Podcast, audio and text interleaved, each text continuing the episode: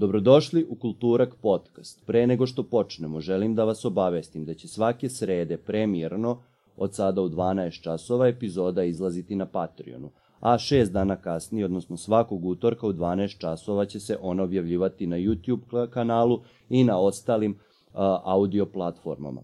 Ono što želim uh, takođe da vas zamolim jeste da uh, lajkujete ovaj klip i da me za, zapratite na mom YouTube kanalu. A ako želite da slušate samo audio format, u opisu klipa vam stoje sve audio platforme na kome se uh, ovaj podcast objavljuje. Uh, takođe, da pređemo na stvar. Uh, moja uh, sledeća gošća je bila uh, spisateljica, pesnikinja, dramaturškinja Katarina Mitrović. Katarina je učestvovala u pisanju različitih serija nama poznatih kao što su Grupa i kao što su Mama i Tata se igraju rata. Ona je takođe autorka romana u stihu Nemaju sve kuće dvorište. Ono što je bil, ono što je za nju karakteristično jeste da je po mom mišljenju jedna specifična i jako zanimljiva osoba, što ćete moći da vidite u ovom razgovoru. Tako da ono što mogu jedino da vam poručim jeste da se opustite i da uživate u njemu. Vidimo se.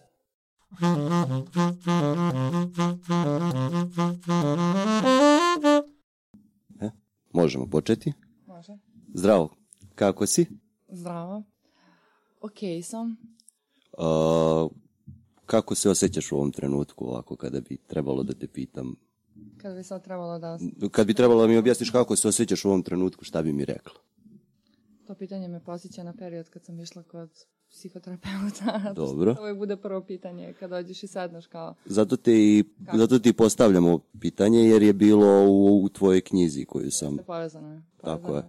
Uh, inače, uh, moj prvi susret sa tobom je bio u jednom mom uh, jako teškom periodu. Mislim sa tvojim delom, ne direktno tobom. Mi smo se zvanično upoznali malo pre. Da.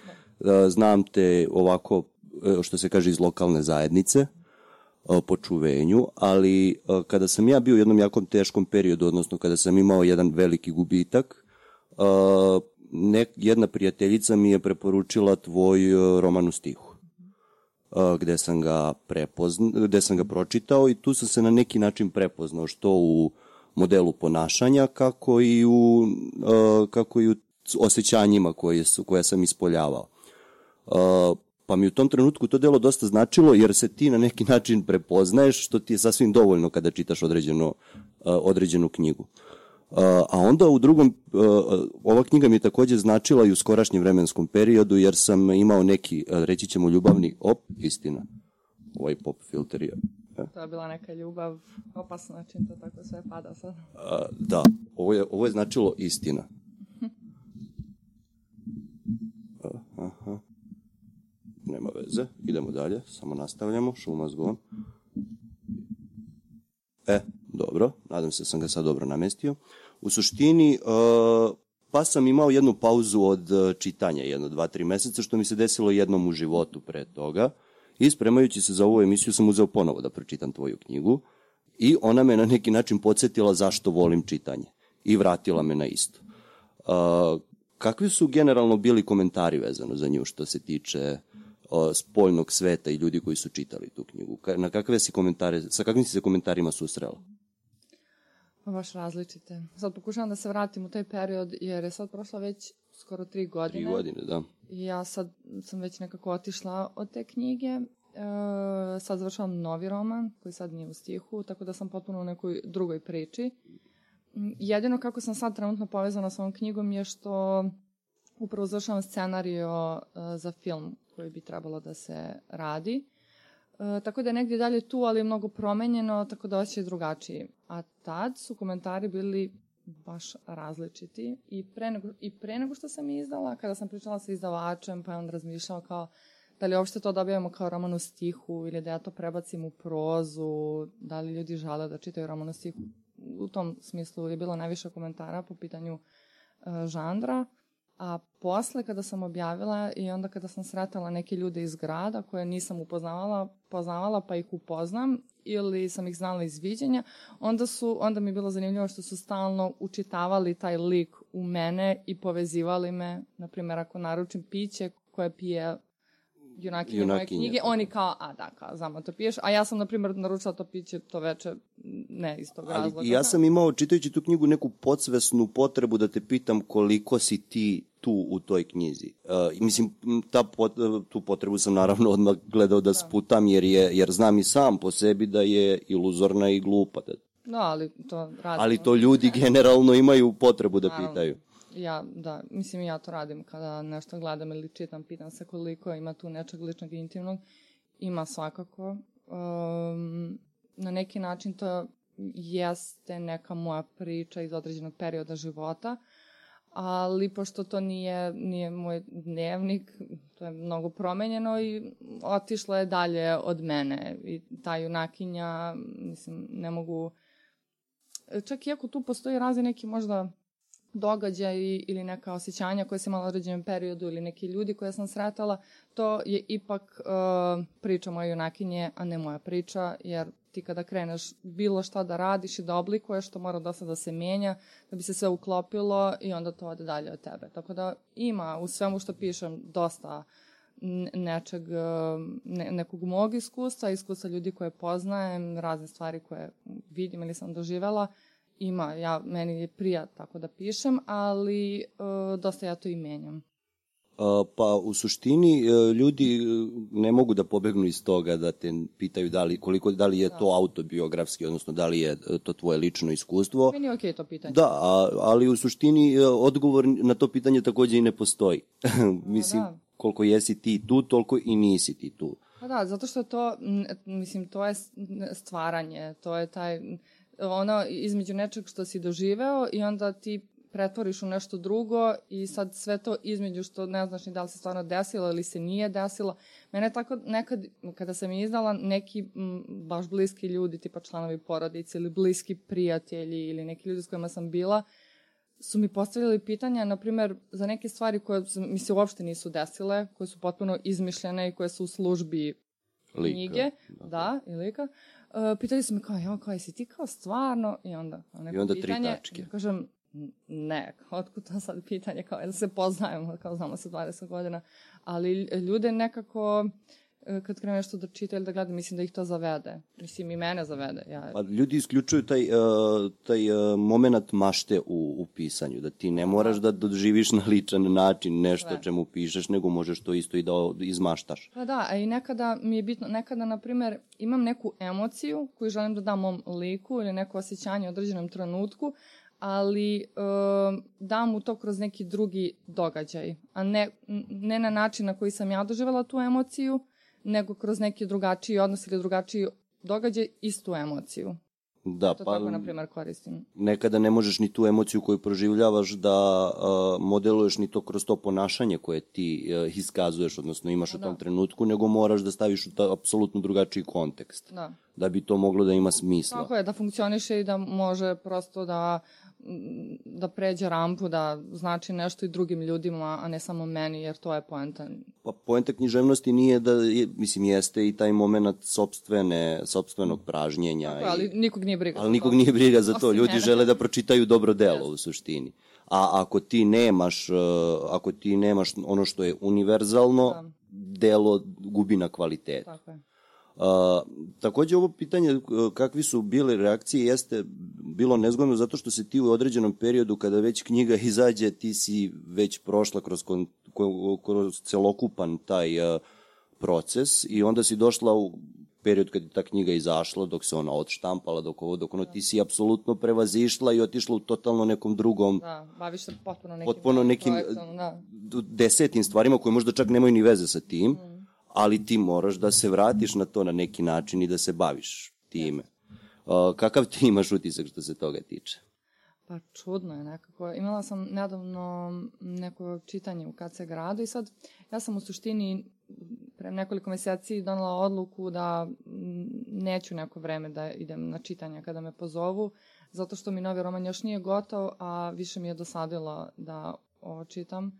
I onda sam počela da odbijam, ali ovo me zvao neki blizak prijatelj, nisam htjela da odbijem i otišla sam I onda kada sam sela i onda tu devojka koja je to vodila, počela mi neka pitanja kao u vezi sa romanom, kao nešto čemu se radi, neke dominantne teme, nešto. Ja sam shvatila da meni mnogo teško da odgovorim na to pitanje, sam ja toliko otišla od toga da sam više zaboravila. Da, da. Sam htjela da kažem i šta se tu desilo. Tako da, ono, čudno je, čudno je. Moraš da se...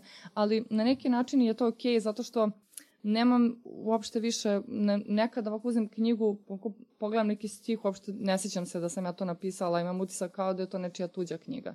To mi, na primjer, dosta pomaže sad za scenariju koji radim, da nemam neki sad odnos prema tome da sad neću ništa da promenim, da neću ništa da izbacim, ne, baš naprotiv. Ponašam se kao da je nečija tuđa Kao da štrihuješ tuđi tekst. Da, da, da, da, da, onako baš. Čak rediteljka s kojom radim mnogo više čuva moj tekst od mene. Znači ona uvijek kao stani, ajde nećemo to da bacimo, ajde da razmislimo. Ja kao ne, ne, ne, nije dobro, moramo opet. Ali to, to je ono što ti, ako daš uh, piscu za jedno, dve, tri godine ponovo prostor da radi na tom delu, on će biti u stanju da, da ga promeni u potpunost. Da ga uništi, da ga se odrekne. Da ga, tako je, tako, jer to, to je kod pisanja jedna jako važna stvar, znati kada treba stati. Da. Jer ti si u stanju da to vrtiš i vrtiš i vrtiš i menjaš i štrihuješ i oblikuješ i ti nikad nemaš gotovo delo. Ali samo treba jednom trenutku da kažeš, ok, ja mislim da je ovde dosta. Da ovo, ovo delo, da ovo post prestaje da, im, da gubi smisao.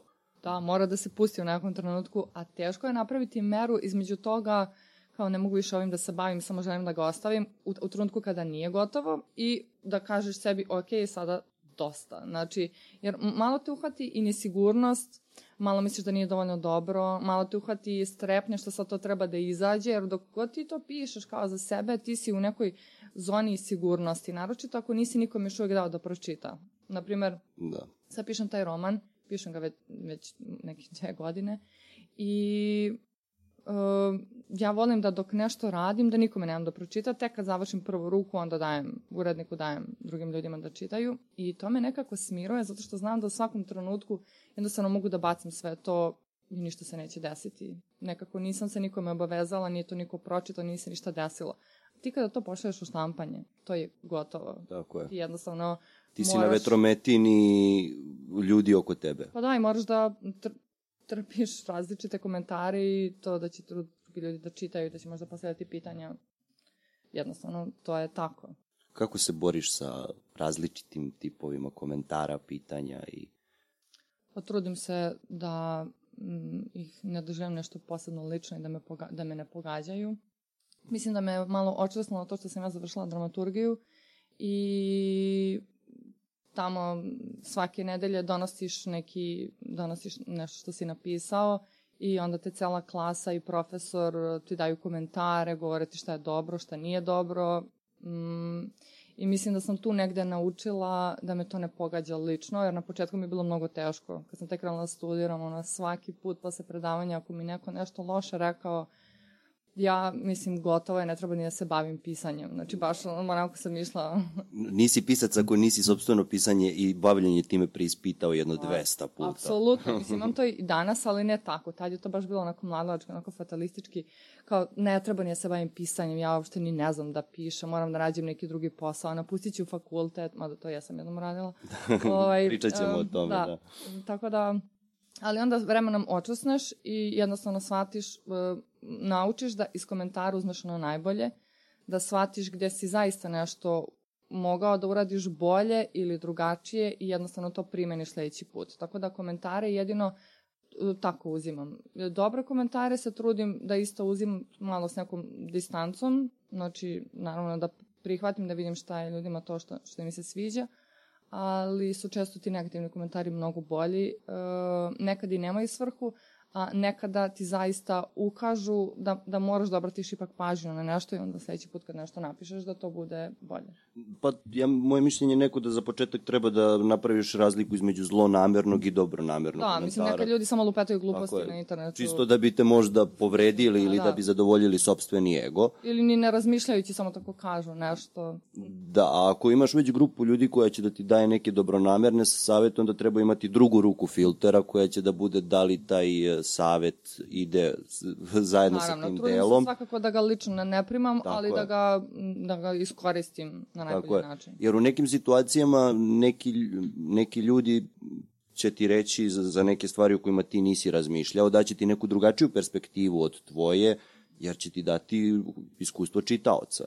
Ja imam neku prijateljicu koju kad napišem pesmu, ja njoj pošaljem, ona pročita i ona mi kaže svoje mišljenje iskreno, bez uvijanja i u 90% slučajeva kada mi kaže "E, ovo mi pije vodu ili ne pije vodu ili promeni ili izbaci, ja razmislim o tome to i uradim. Ali u njen sud verujem.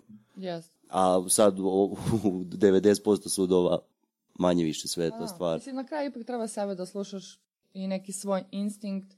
Ako imaš neku ideju kako nešto želiš da uradiš, ljudi uvek pričaju iz sebe i svog iskustva i ne mogu da znaju šta ti hoćeš, naročito kada je delo u nastajanju, daju ti neki komentari koji su možda dobri, ali nisu primenjivi na tebe, Tako je. nego na nešto što, su, što bi oni možda Tako je, da jer proces zavisi od trenutka, ne samo od osobe do osobe, nego i so, sobstveni proces zavisi od tvoje, Da, tvog emotivnog stanja u Jeste. tom trenutku.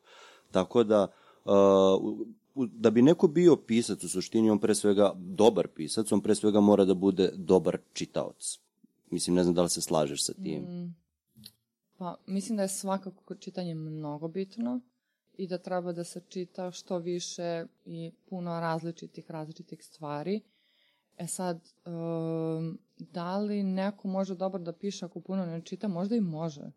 Mm, pošto, mislim, ima puno ljudi koji puno čitaju i znaju da čitaju i da analiziraju dela, ali prosto ne umeju da da pišu. pišu, da. Tako da m, možda to i nema neke veze, ali sigurno da mm, se stil razvija i poboljšava čitanjem.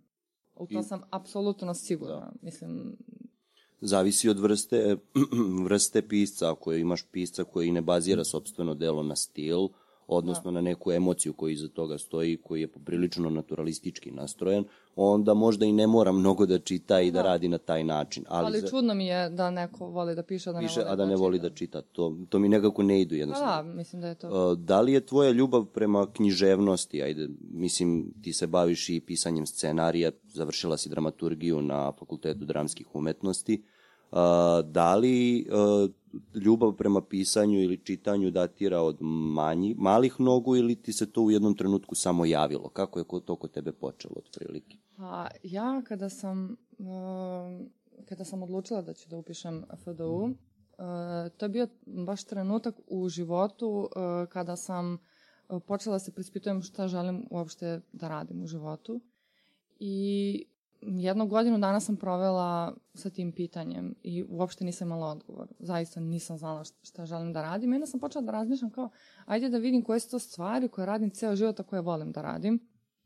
I onda sam ja svaki dan pisala, ali to je bilo toliko banalno, to je bilo na nivou sve čega se setim da volim da radim, ja to napišem na papir. To je bilo bukvalno na nivou, ok, volim da vozim rolere. Mislim, bila sam svesna da ne mogu da napravim od toga nikakvu karijeru, niti da žalim, ali jednostavno, ajde, samo sam htjela da vidim šta je to. I tako sam shvatila da je jedino što radim ceo život to je da pišem. Kada sam, na primjer, bila mala, pisala sam dnevnik. Uh, to je od kad sam baš bila mala, sam pisala dnevnik, tipa imala sam 7-8 godina i uvek sam imala neku svoju svesku, dnevnik u koju ja pišem kao šta mi se desilo tog dana. Uh, to se posle nastavilo, nastavilo i onda sam u tom dnevniku, ti dnevnički zapisi u nekom truku počeli da liče kao na neke kratke pričice. Uh, I onda sam u srednjoj u stvari počela da pišem pesme i tako je negde krenulo, ali suštinski ceo život sam nešto pisala, samo što to nije bilo tako oblikovano, tipa kad sam bila u osnovnoj školi nisam pisala pesme, nisam pisala priče, pisala sam dnevnik. Tek te pesme su krenule u srednjoj školi i nekako i prve te pesme su bile onako loše, sad iz mog ugla. Pa, dobro, ja ne znam neko ko je napisao dobre prve pesme. Pa da, ono, kad kreneš to, i onda se to posle stvarno poboljšava kako prolazi vreme, to stvarno bude sve bolje i bolje. Ti nekako počinješ, dobijaš neku svest o tome šta ti pišeš, postaješ artikulisaniji, nekako m, mnogo to ide, onako kako prolaze godine, bude sve bolje i bolje. Um, je, eto, odgovorila na pitanje. Jesi, jesi, pa to je ono, spomenula si to, uh, prvo što sam napisao je loše. Ja se sećam svoje prve, po znacima navoda zbirke pesama koju sam napisao, koja je bila napisana predno dve, tri godine. Mm -hmm. Uh, ja sam za to bio spreman u tom trenutku ruku da dam, ovo je genijalno, to je... I onda Jelo sam, koje ćemo proslaviti. Tako, ne, ne baš proslaviti, ali ovo je jedna genijalna stvar koju svi moraju da vide. Imao sam sreće. što ni jedan izdavač to nije hteo da prihvati, jer se je to poslao svima, svi da. su me naravno odbili.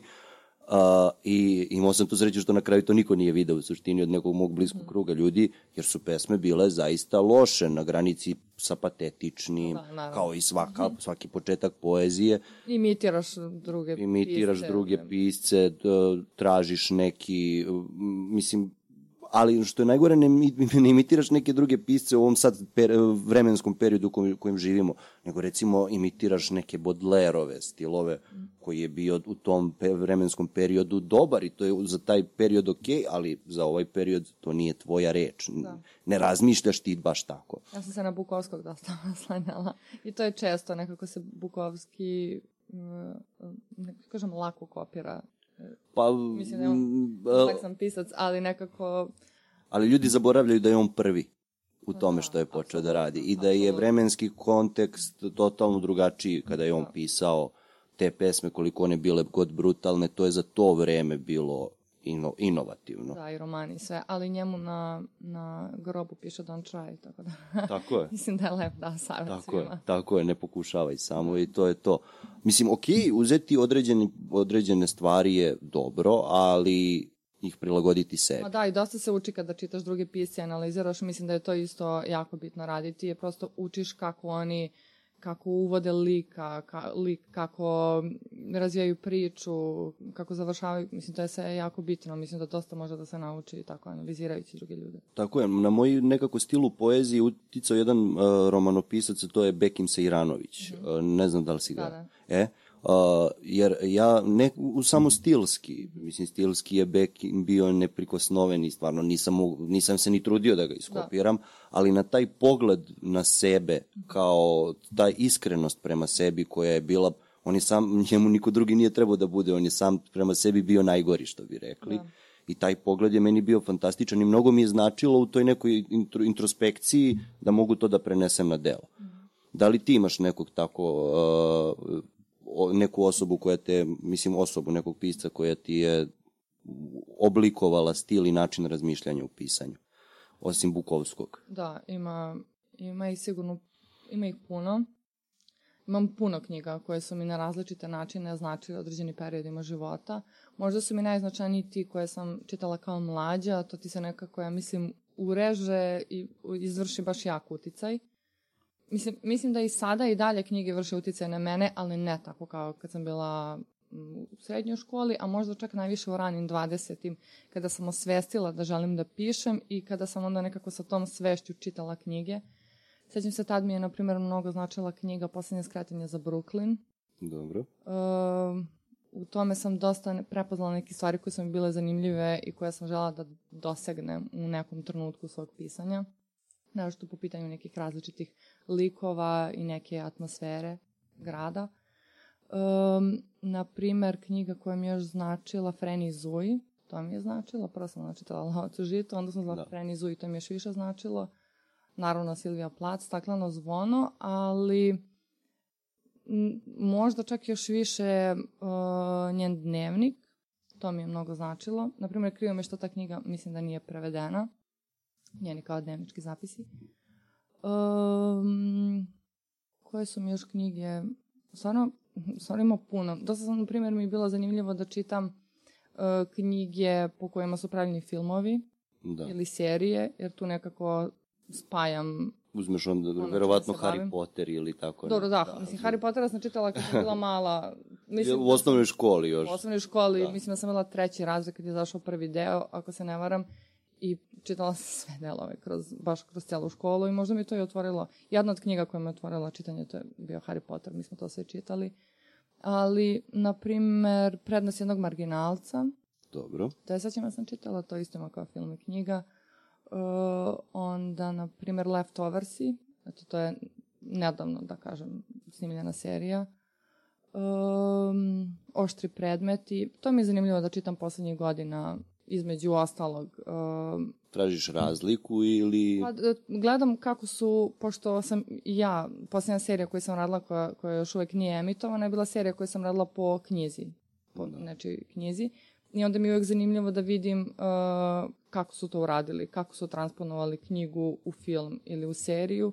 Mislim da mi to nekako dosta pomaže da posao. Je li to ova serija uh, de, po knjizi Deca zla? Jeste, jeste, Milorga Majića, to je to. Je to. Kako je izgledao još... rad na, toj, na tom scenariju? Uh, pa, zanimljivo.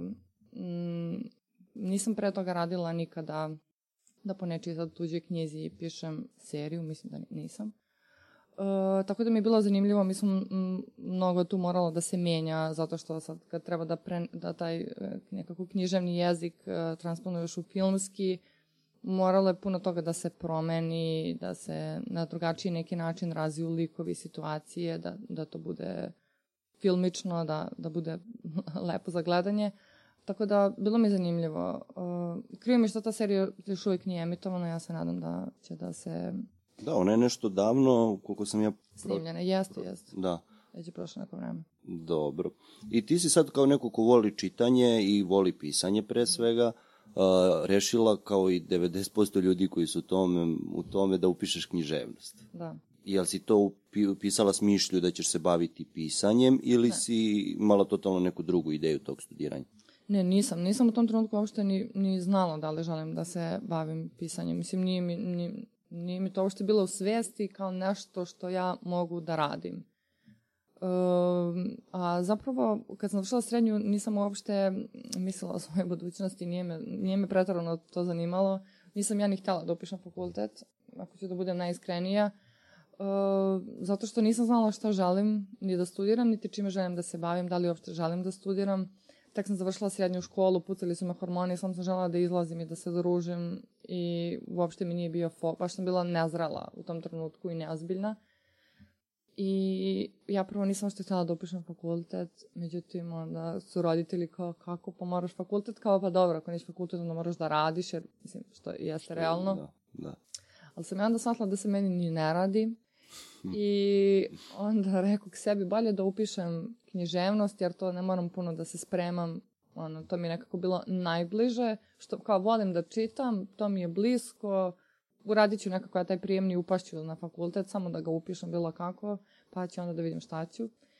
I eto, bukvalno, to je bio moj razlog što sam upisala književnost i sećam se na prvom predavanju na Filološkom fakultetu, je neki profesor, ne sećam mu se imena, ali sećam se da je rekao Kao, koliko vas je došlo ovde zato što želite postanete pisci, ono, bukvalno cela, ona. Cela klasa, mislim, cela, klasa, ono, svi su bili... ljudi tamo bi bilo, svi su digli ruke i on, on sam rekao, ovo nije mesto ovo za nije to, od, za vas. da vam kažem, kao, ne, nema ništa od toga. Um, I onda sam ja četiri godine provela na tom fakultetu, tako iz, izgubljena, potpuno odvaljena od života, bavići se drugim stvarima, ne toliko fakultetom, sve dok nisam stigla do četvrte godine i onda smo imali kao praktični ispit me, metodika, tako se nekako za taj predmet, gde ti treba da odeš u školu i da držiš čas i oni te ocene i to je nekako to. I, I onda kada sam imala taj ispit, nisam baš bila dobra na tom fakultetu, znači onako sam se provlačila svake godine samo da upišem sledeću, eto, da mi niko ne dosađuje. I onda kada je, kada je došlo tog držanja časa, dobro sam ja to uradila, snašla sam se u tome. Mislim da je to bila najbolja stvar koju sam radila na tom fakultetu. Bukvalno posle četiri godine lošeg studiranja. Da. Taj ispit je bio za ok i moji roditelji su bili baš srećni jer su pomislili dobro je, kao bit će nešto od nje, kao možda... Biće profesorka srpskog. Pa da, kao možda je ta, kao ti ispiti teorija nije što dobro, ali kao evo u praksi sam se snašla i mislim da mi je to bila prva desetka koju sam dobila za četiri godine. I međutim, ja kad sam završila taj to, ja sam došla kući sećam se i kao dala indeks i kao evo dobila sam 10 na praksi i onda sam rekla, ja ću da napustim fakultet, mene uopšte ne zanima.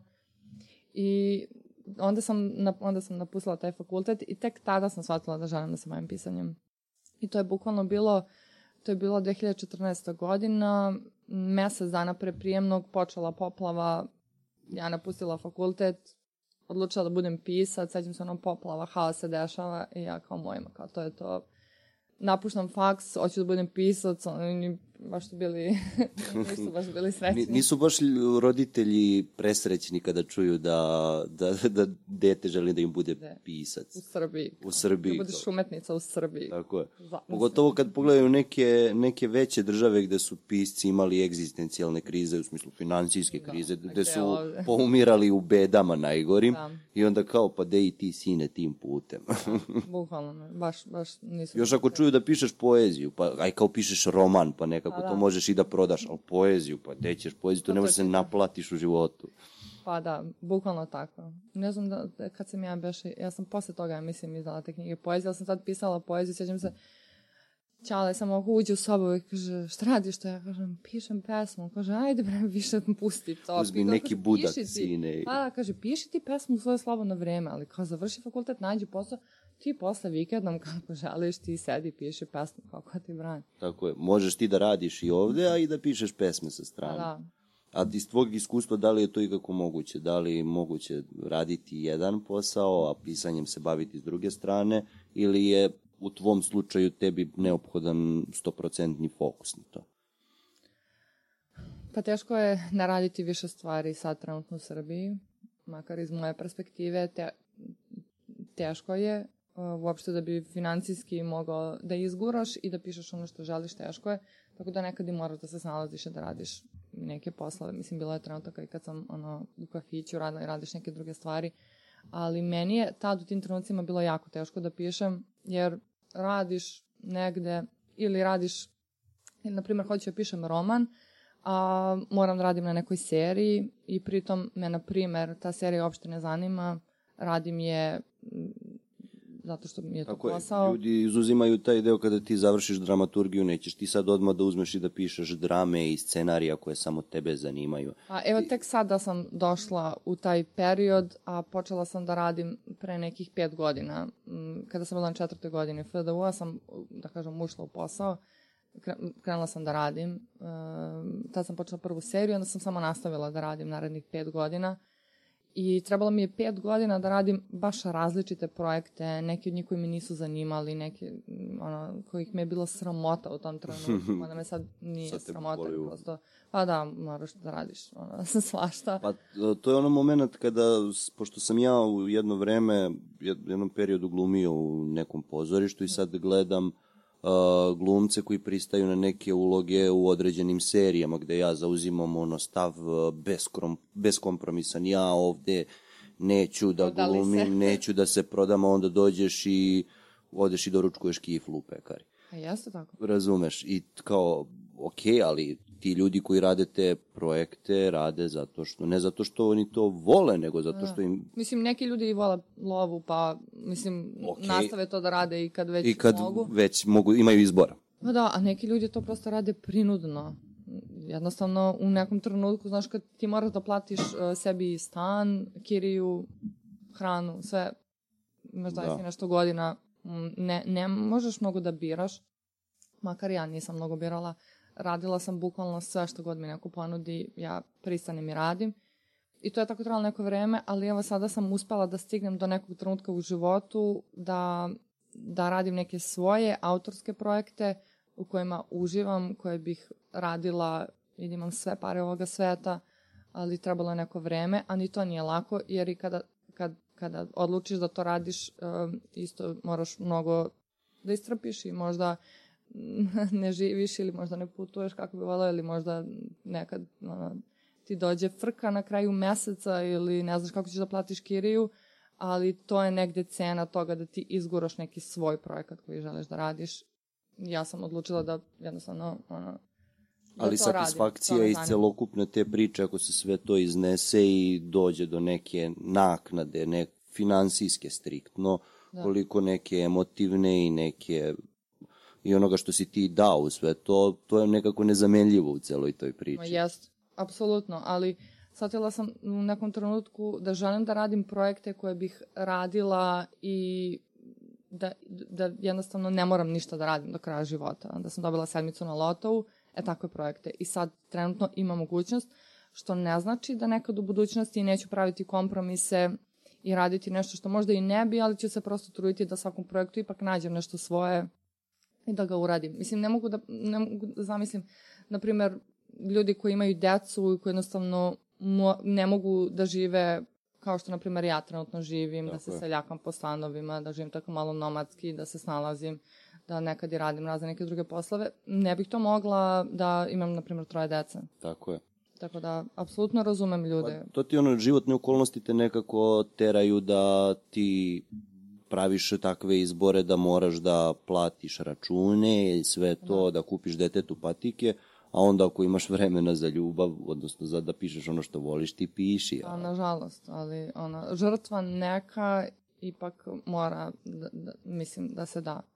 Pa, pogotovo zato što ti kao pisac u Srbiji nemaš taj moment da ti dođeš i kažeš e, najavljujem pisanje knjige i da dođe neka izdavačka kuća i krene da te finansira unapred. Da. Kao što imaš recimo u Americi ili bilo kojoj većoj zemlji da dođe pisac, najavi projekat, izdavačka kuća ja. krene da plaća i to pisanje, tako da on dobija pare faktički sve vreme u toku pisanja tog dela, ali e, ima, to sam vidio da je bilo i u Hrvatskoj, da su recimo desetak, 15 pisaca na osnovu uh, svojih projekata dobijali stipendije. Rezidencije, to sam dobijala. Da. Ali ovo što kažeš, bukvalno sam pre nekoliko dana mislila o tome, pročitala sam uh, knjigu Sally Rooney, Razgovori s prijateljima, i onda na kraju knjize, knji, knjize.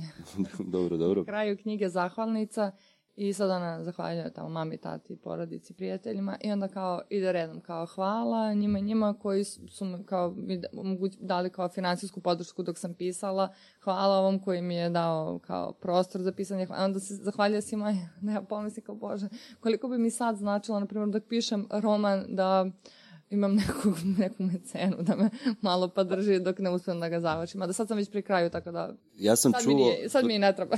to je ono da je došao Kolja, dobio ponudu da napiše neki scenario i on je ponudio neke nemoguće uslove tipa pisanje u nekom skupom hotelu, neke pare. Ovo sad ne znam da li istina, ovo sam čuo. Okay. Gde su oni njemu na kraju rekli, ok, i kao platili mu sve to i on Znam je ja kao... to priču. da.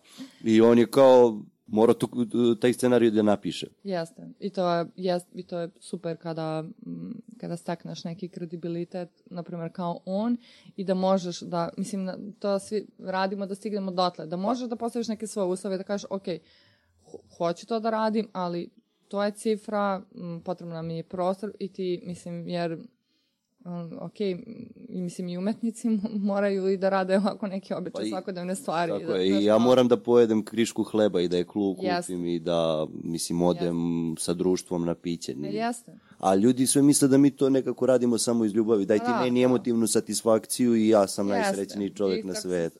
Upoznala nedavno nekog momka u gradu posle nekog čitanja, on kaže kao nema kao umetnost, kao umetnik kada počne da radi, kada mu to postane posao, to kao ne, mislim, Nije, nije mi se dopao, nije mi se dopao takav stav, nisam ga razumela nekako.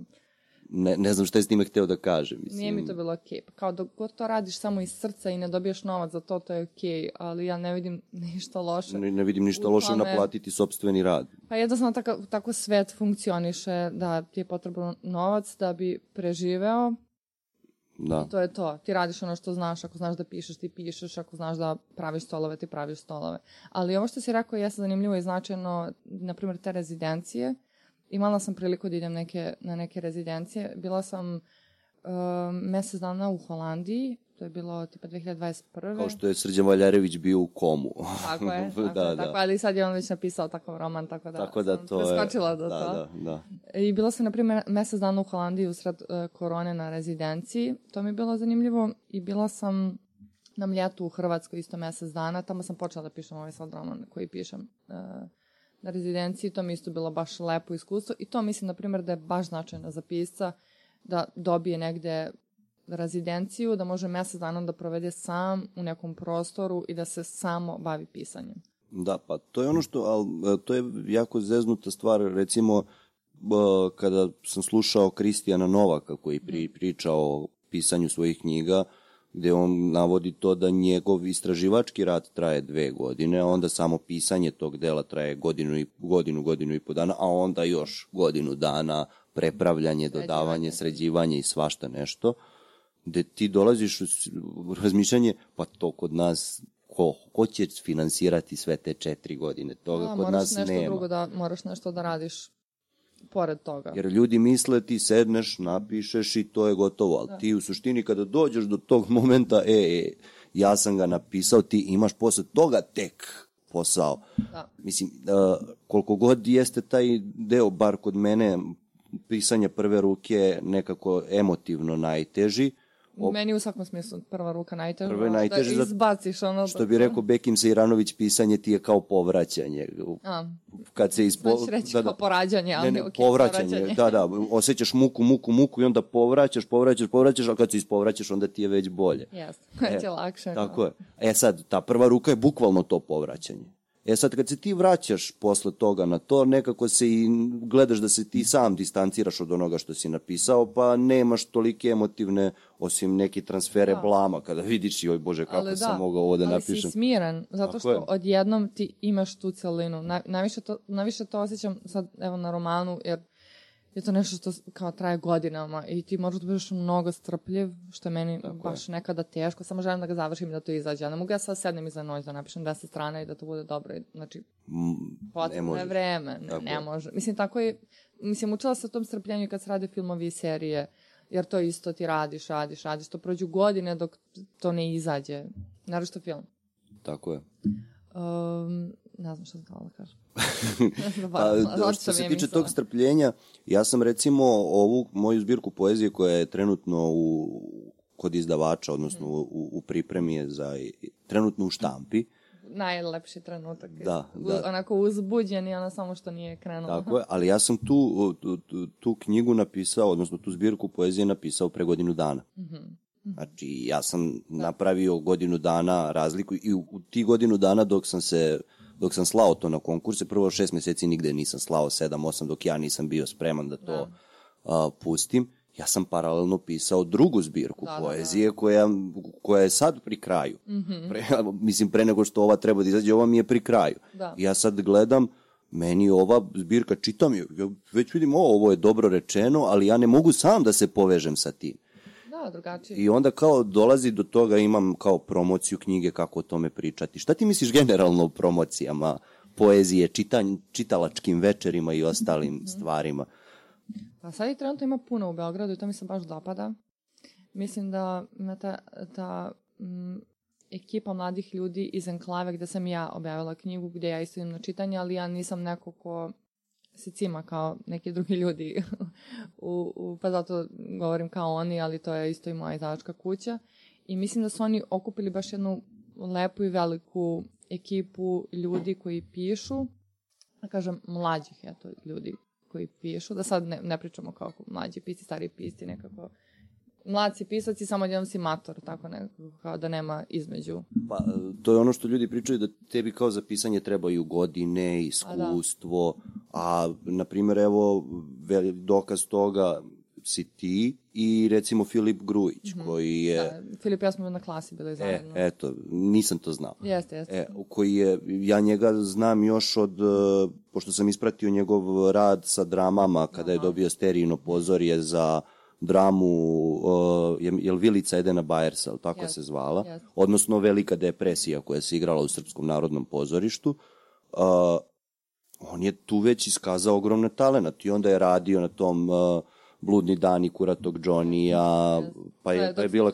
je- Tako je. da, je. Pa je bila knjiga Podstanar. Podstanar je već imao ozbiljnu Mhm. tendenciju da, mislim, Jeste. Da posle toga ide ozbiljna knjiga. I sad, mislim, čekam da, da, da kupim ovu njegovu novu knjigu pa da je pročitam. Ne znam, e, nisam nije još pročitala, baš smo se čuli juče, baš sam rekla sam upuđena da čekam da, da uzem da čitam. gotovo zato što vidim, mislim, Buka ima generalno tu naviku da izbombarduje tako Jeste, te Buka baš ima jak marketing. jak marketing i ja vidim super. da je to došlo do svih već sad ta Jeste, knjiga. I to je, Tako da je sad ubo, ubo da prostiš na izrazu ko prstom jeste, jeste. što se tiče izdavačke kuće, Jeste. Buka je baš uh, jer pre toga ja mislim da je bio lom, a lom... bio lom, lom se ne bavi toliko promocijama. Tako je, ja, ja znam da sam za tu knjigu saznao preko nekih zajedničkih prijatelja koje imamo Da, Filip a i ne- ja, a ne preko izdavačke kuće.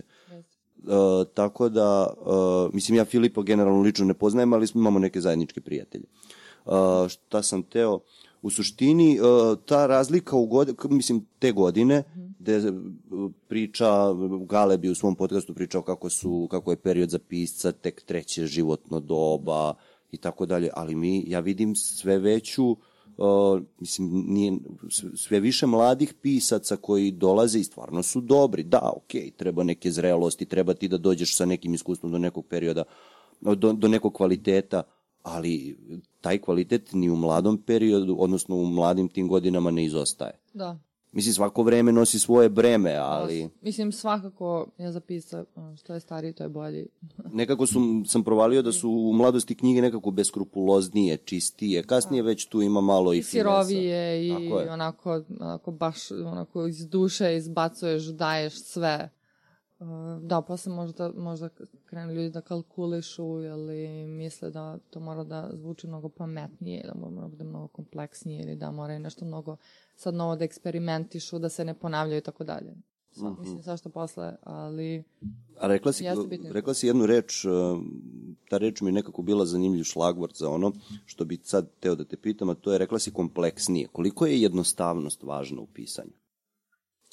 Mislim da je važno. Nama su na faksu, sećam se, uh, nam jedna asistentkinja često govorila kao keep it simple, keep it gay. Kao to je Uh, mislim da je bitno u smislu uh, da mislim da je bitno da budeš razumljiv čitavacima, uh, da budeš prijemčiv i dostupan. Ja mislim da je to bitno. Nisu sve knjige iste i nisu sve knjige za sve.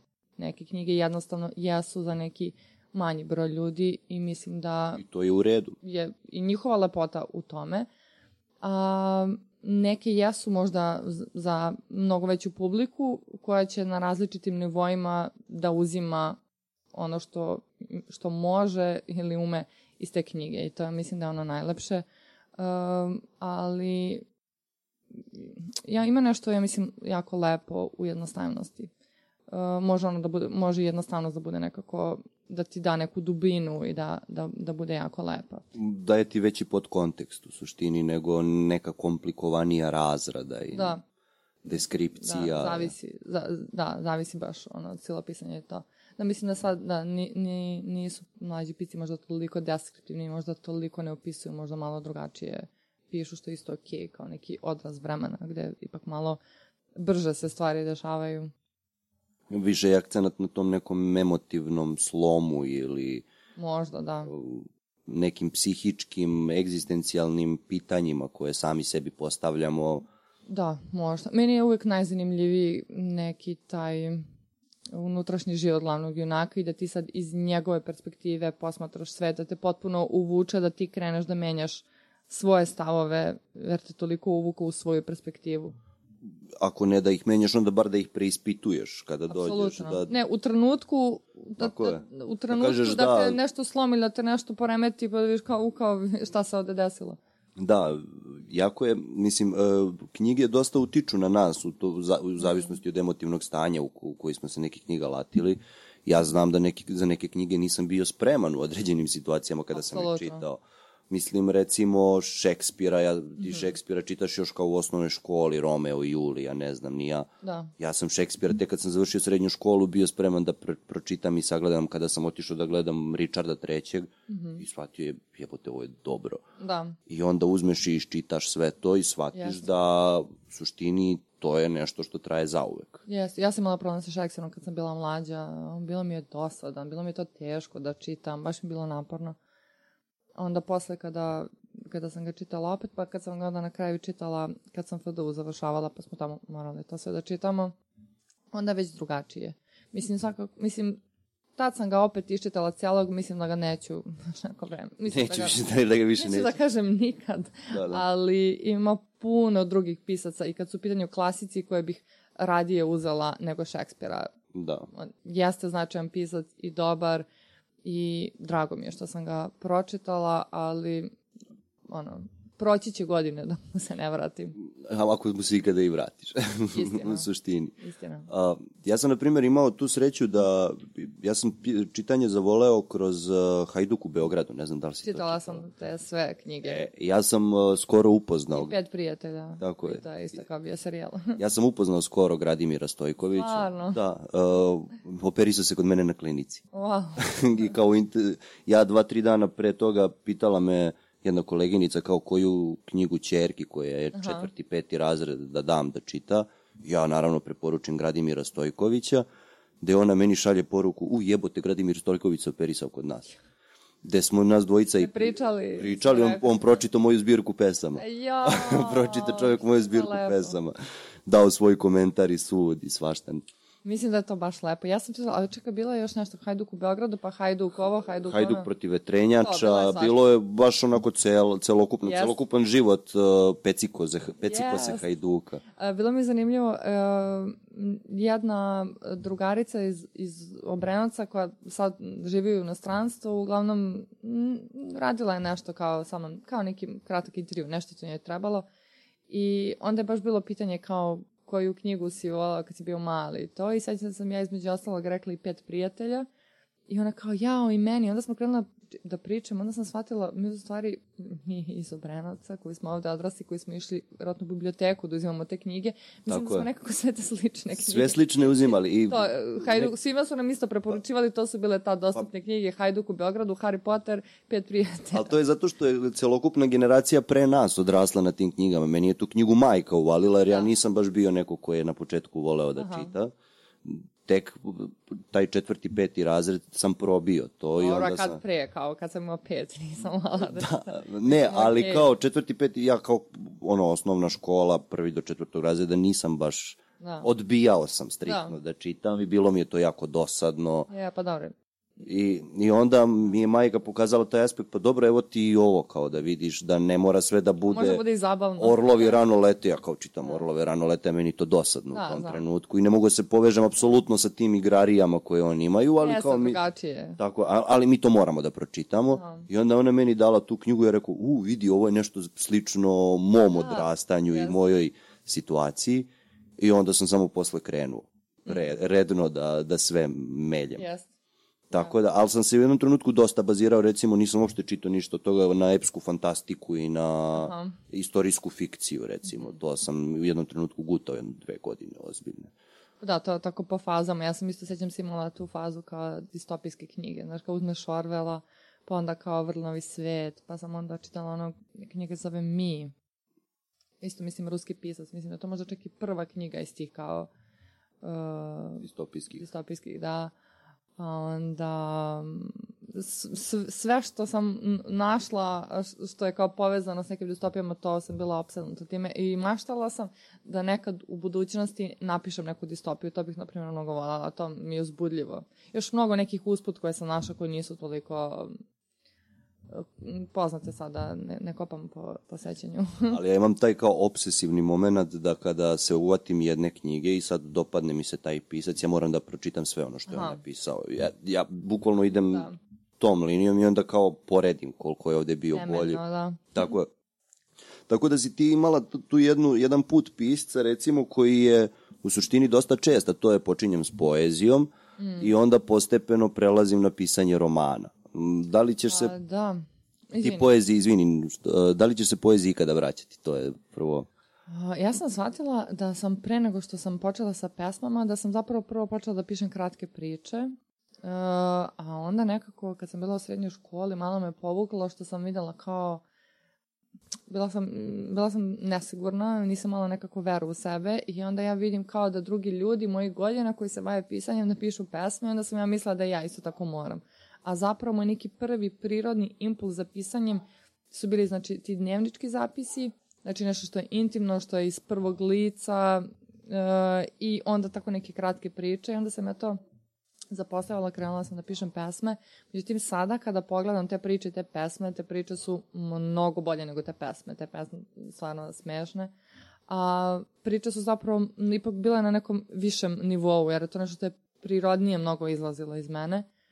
A posle sam i zavoljela poeziju, ali u nekom trenutku sam samo shvatila da se zapravo prijatnije osjećam u prozi i da su i moje pesme čak imale mnogo proznog u sebi i je. neki događaji su bili u njima i onda sam nekako počela da se tome vraćam i onda kad sam krenula da kopam po kompjuteru sada sam da sam ja i, i posle malo malo pa napišem neku kratku priču to priča koju ja nikad nisam objavila koje mi stoje, ne znam da li ću ih ikada, ali nekako me to dovelo do pisanja romana i sad se jako prijatno osjećam, jer nekako i pisanje scenarija je nešto što je na neki način ipak više prozno. Tako je. I u tome se sad prijatno, prijatno osjećam. A, pa d- to ja gledam po sebi, recimo ja pre nego što sam napisao ovu prvu zbirku pesama, ja sam imam ovako celokupnu jednu svesku sa kratkim pričama, koje su, zavisi od kako koja, ne, ne bude svaka kratka priča dobra, No, naravno. čak ono...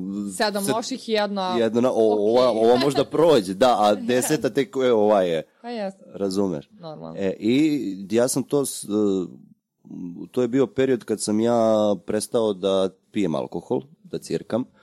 Svi smo imali taj trenutak u životu. Pa da, ja sam imao jedan, onako poprilično, jedno tri burne godine konzumacije alkohola svakodnevne.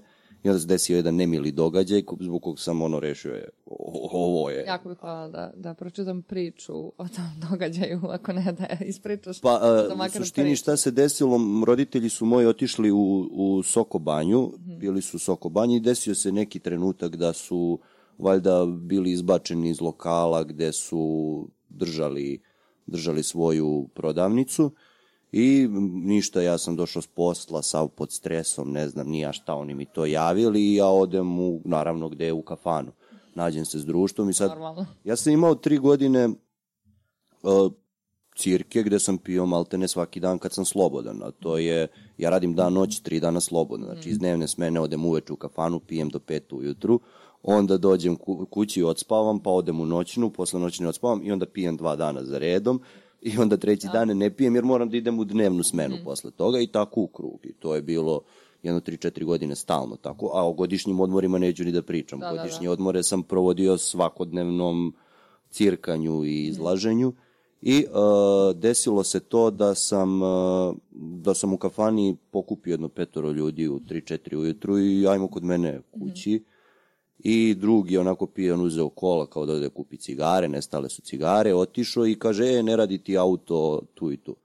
I ja sam otišao, provalio da se papučica neka zaglavila sa patosnicom, jer on čovjek to nije mogao ni da provali u tom Da. stanju, i ja sam seo da vozim i počeo da radim nešto, nešto jako glupo, a to je da skrećem pod ručnom. I onda sam samo ispravio jednom trenutku krevinu i uleteo u, šum, u šumu. Jao.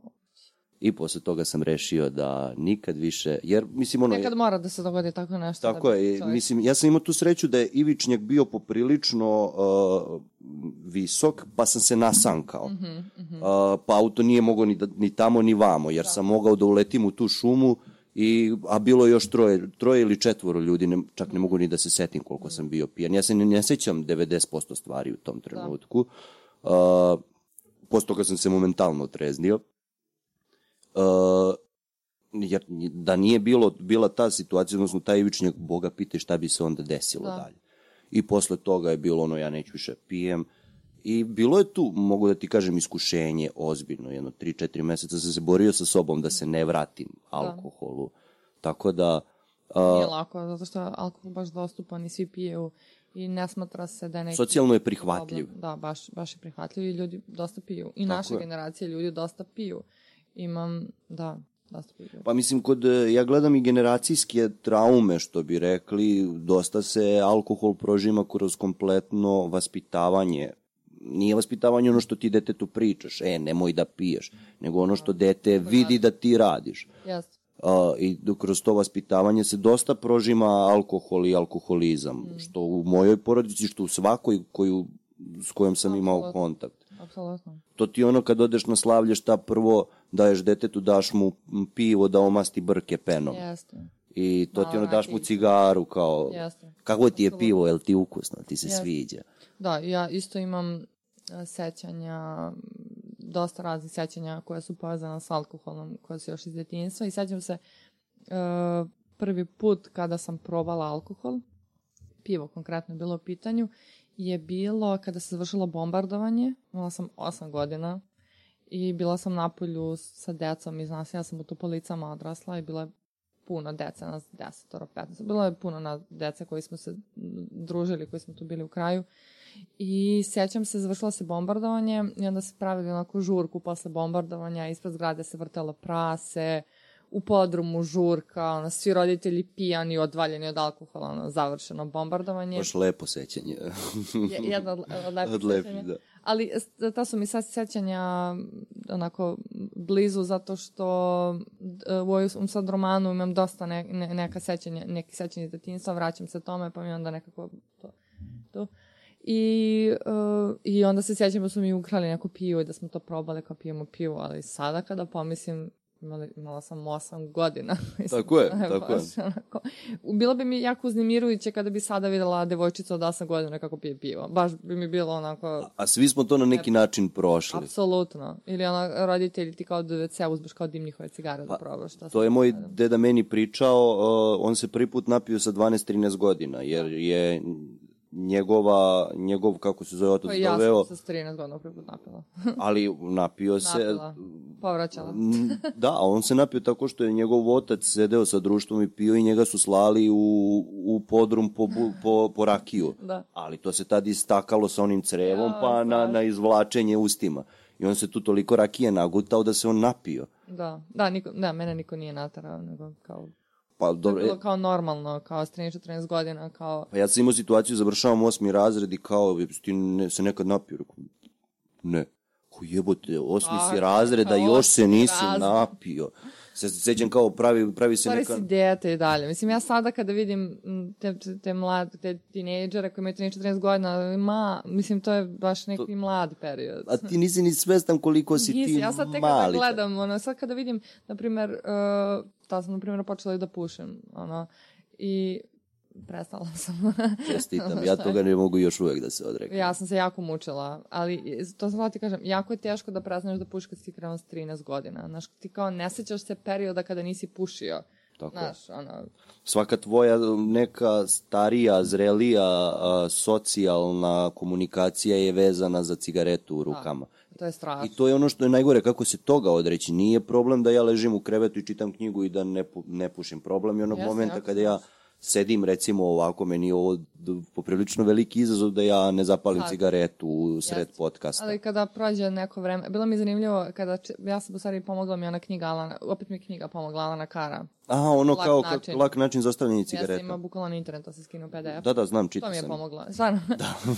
Meni je ta knjiga baš pomogla i bilo mi zanimljivo što u toj knjizi e, kaže u nekom trenutku kao iskustvo nekog čoveka koji želi da prestane da puši, koji je rekao ja bih mnogo lako prestao da pušim samo da mogu da pušim da prestaje da pušim. Da. Ali to je onaj, onaj moment, pa mnogo je lako ostaviti cigare, ja se ih bar jedno sto puta ostavljam. Je za pomabrič. Da. Ali to je jeste zato što ti kao, te cigare su ti kao, cigarete kao nešto, znaš, kao, meni, znaš šta je meni, na primjer, bilo problem? E, kada sam odlučila da prestanem da pušim, ja sam mislila da neću moći da pišem. I to je neverovatno koliko je meni bio ispran mozak. Ali... Uh, da ja zaista kao, ja sam bila ubeđena, onda sam mislila kao, pa kao, šta sada kao, moram napravim izbor. Da li ću da nastavim da pišem i da pušim, ili ću da prestanem da pušim, a da možda neću moći da pišem. Mene, mene, meni je to bilo zastrašujuće. Ali to je onaj moment... To nije istina, samo da kažem, to nije istina. Zato što samo kada prođe određeni vremenski period, kada se ti skineš sa nikotina na Šta koji god si da je zavisno navučen. Da, znači Kako god da je zavisno. I kada prođe neko vreme, evo, mislim sada trenutno pišem bez cigareta i ne, prosto čak sam bi, bistriji mi je mozak.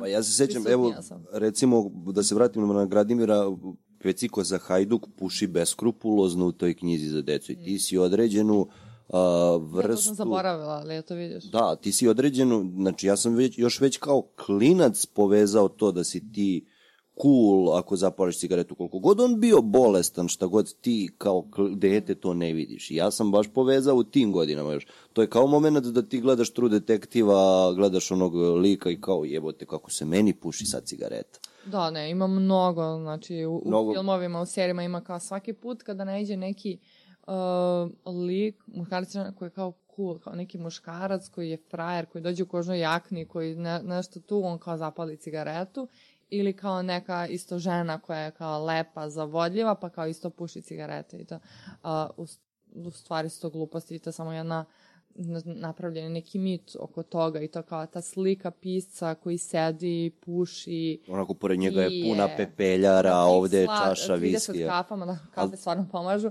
i kao, Da. to kao viski, ono, kao sedi onako, To ono brada kao mu je porasla. Hemingwayski kao Pa da. piši pijan da bi ispravljao Da, trezan, kao, mislim, ali, sobe.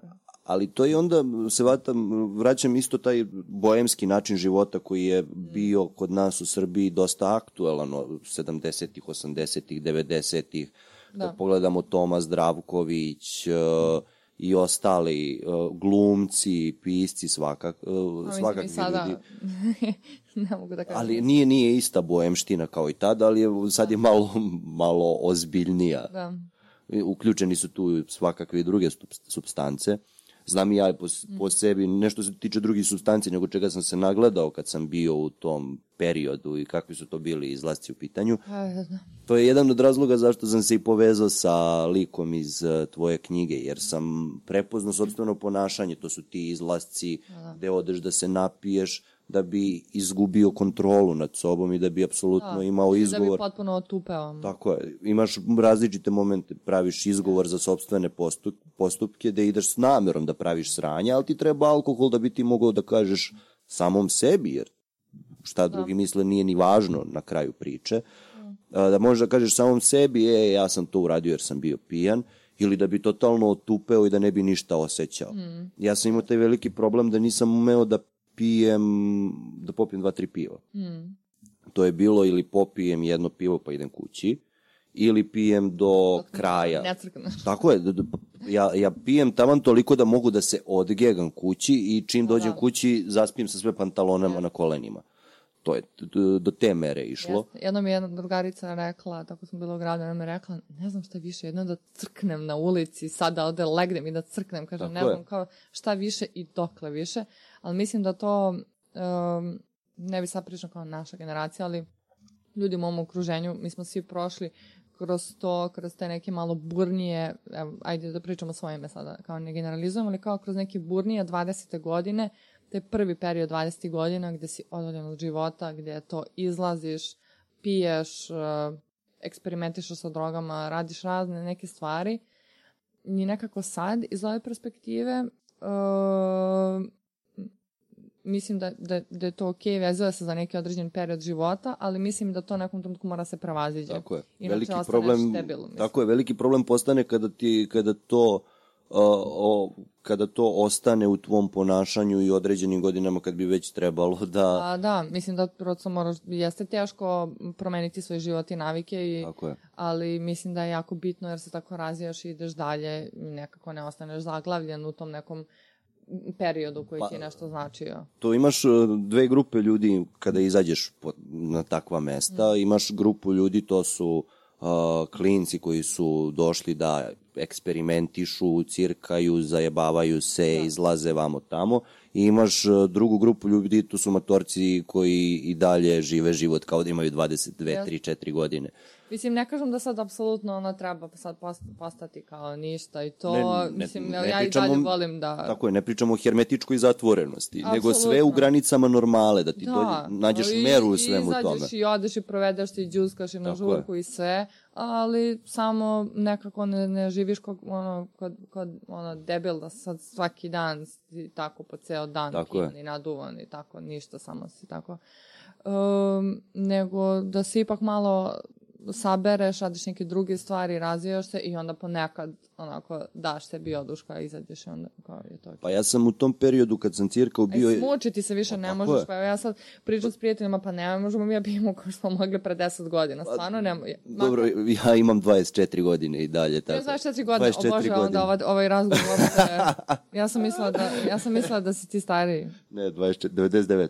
Znači, ti, ti kad, vi kad ste vrteli ono, ono Mi prase se za bombardovanje, ma, ajde. ja sam imao četiri meseca možda. Ja to kažem, neće se bombardovanja, to je Da, da, da, generacija. da. Ok, pričat ću svoje ime. Ne znam zašto sam se nekako prekvačila i podrazumevala sam da, jer ti isto tako pričaš to kao prestaje, ali vidjet ćeš kada, vidjet kada, kada napuniš Vidjet ćeš kada 30, dođeš u moje godine, da. Kada napuniš 30... Kada e, pređeš 3-0, sve se menja. menja se, ali neka, ne, ne mogu čak ni ja kažem to kao u nekom lošem smislu. Nekako godine, mislim da donose puno lepih stvari, ali eto, na primjer, jedna stvar koju, koja više nije ista, to je da više ne možeš da piješ kao što si pio. Što nije loše u suštini. Što mislim da je super zapravo, jer kao treba da ide da, da, da nekako ono, ideš dalje u životu, uh, tako da mislim da je okej, okay, ali zaista se nešto promeni posle 30. Ja vidim sada kada pričam s prijateljima, uh, mi ono, kad izađemo posle teme Murluk je mnogo teži, no, dru, prosto je drugačije, ne možemo, ne možemo Ma, kao ranije da živimo. Kada piješ konstantno do padanja, moje iskustvo je da ti ne možeš da izbegneš mamurluk. Tebi je mamurluk pa, jedna neminovna stvar ujutru i ja se sećam, ja sam se konstantno vadio kako sam ja depresivan, anksiozan da. i sad to je bilo psihosomatski iz ove perspektive. Da. Kako ti da budeš normalnog psihičkog stanja ako se probudiš ujutru i ne možeš da gledaš na oči, glava te pa boli, naravno, raspadaš i, se. Alkohol je depresor, tako da ti samo još više... Tako je, i onda kao joj moje mentalno stanje nije bilo dobro. Između ostalog i zbog toga je ta prva zbirka da, poezije da, bila loša. Nije bilo dobro ako si pio svaki pa, dan. Nije bilo. Ne postojao neki razlog. U tom, meni je otac bio simpatičan i sad uh, otac koji je inače vernik, uh, sad on vidi ja se raspadam, to su konstantne cirke, svaku noć me viđaju pijanog, da ti odeš kod oca Mileta, da ti, u, on je propovednik neki u nekom selu kod Šapca, kao da on, da porazgovaraš malo sa njim, on je dobio od vladike blagoslov da imate svoje psihoterapeutske momente u crkvi. Pa mislim da je i to okej. Okay. I ja sam otišao sa njim i sećam se, ja sam uh, pričao sa tim ocom Miletom i kao, koji je tvoj problem? Ja rekao, pa cirka, mnogo se pije. I on mi kaže, ne, to nije problem. Šta je problem? To ti je uzrok tvog problema. Tako da u suštini to ne dolazi nikada kao kao jasno pijenje kao problem nego je posled što... sve to je neka posledica. Sad 20 20 mislim da su sasvim dovoljno posled o, da, problem. ne, jeste jer ti i dalje uh, ja se sećam da je meni moja terapeutka rekla da, ti zap, da zapravo pubertet traje zapravo do 25. Sad sam mi to rekla. Znači ja sam još uvek u pubertetu. Ti si još uvek u pubertetu. mislim, ako se sad ne varam, mislim da mi je to rekla, ali uh, ja, na primjer, sad kada se setim tog perioda, sve kad sam izlazila i to sve, ja zapravo tad uopšte nisam znala što želim u životu, čime želim da se bavim, što želim da radim. I onog trenutka nekako kad sam shvatila želim da se bavim pisanjem, kada sam upisala FDU, postala sam mnogo odgovornija, baš sam drugačije pristupala stvarima koliko sam na filološkom bila jedan jako loš student, na uh, FDU sam, jako sam se trudila, bila sam redovna, bila sam, mogu, mogu da kažem, mislim, dobra student. Jako mi je to značilo i mnogo sam bila odgovornija. I dalje sam bila nezrela, dalje sam izlazila, ali ipak imala sam u životu neki fokus, znala sam šta želim, znala sam da me mnogo druge razne stvari zanimaju, a ne samo to da izađem i da se zazvam. Pa to je generalno problematika kod, e, mislim sad idemo, vatamo se kao školskog sistema, što tebe, na primjer, u već u 15. godinama teraju da odlučuješ da li ćeš da ideš yes. zanat, na zanat, i ako da, koji, ili ćeš da ideš u gimnaziju pa upisuješ fakultet. Ma da, mislim, onda, ja sam završila ekonomsku srednju. Prvo, ja ekonomija... sam završio medicinsku, uh, ja se tim poslom bavim, ali me to ne zanima.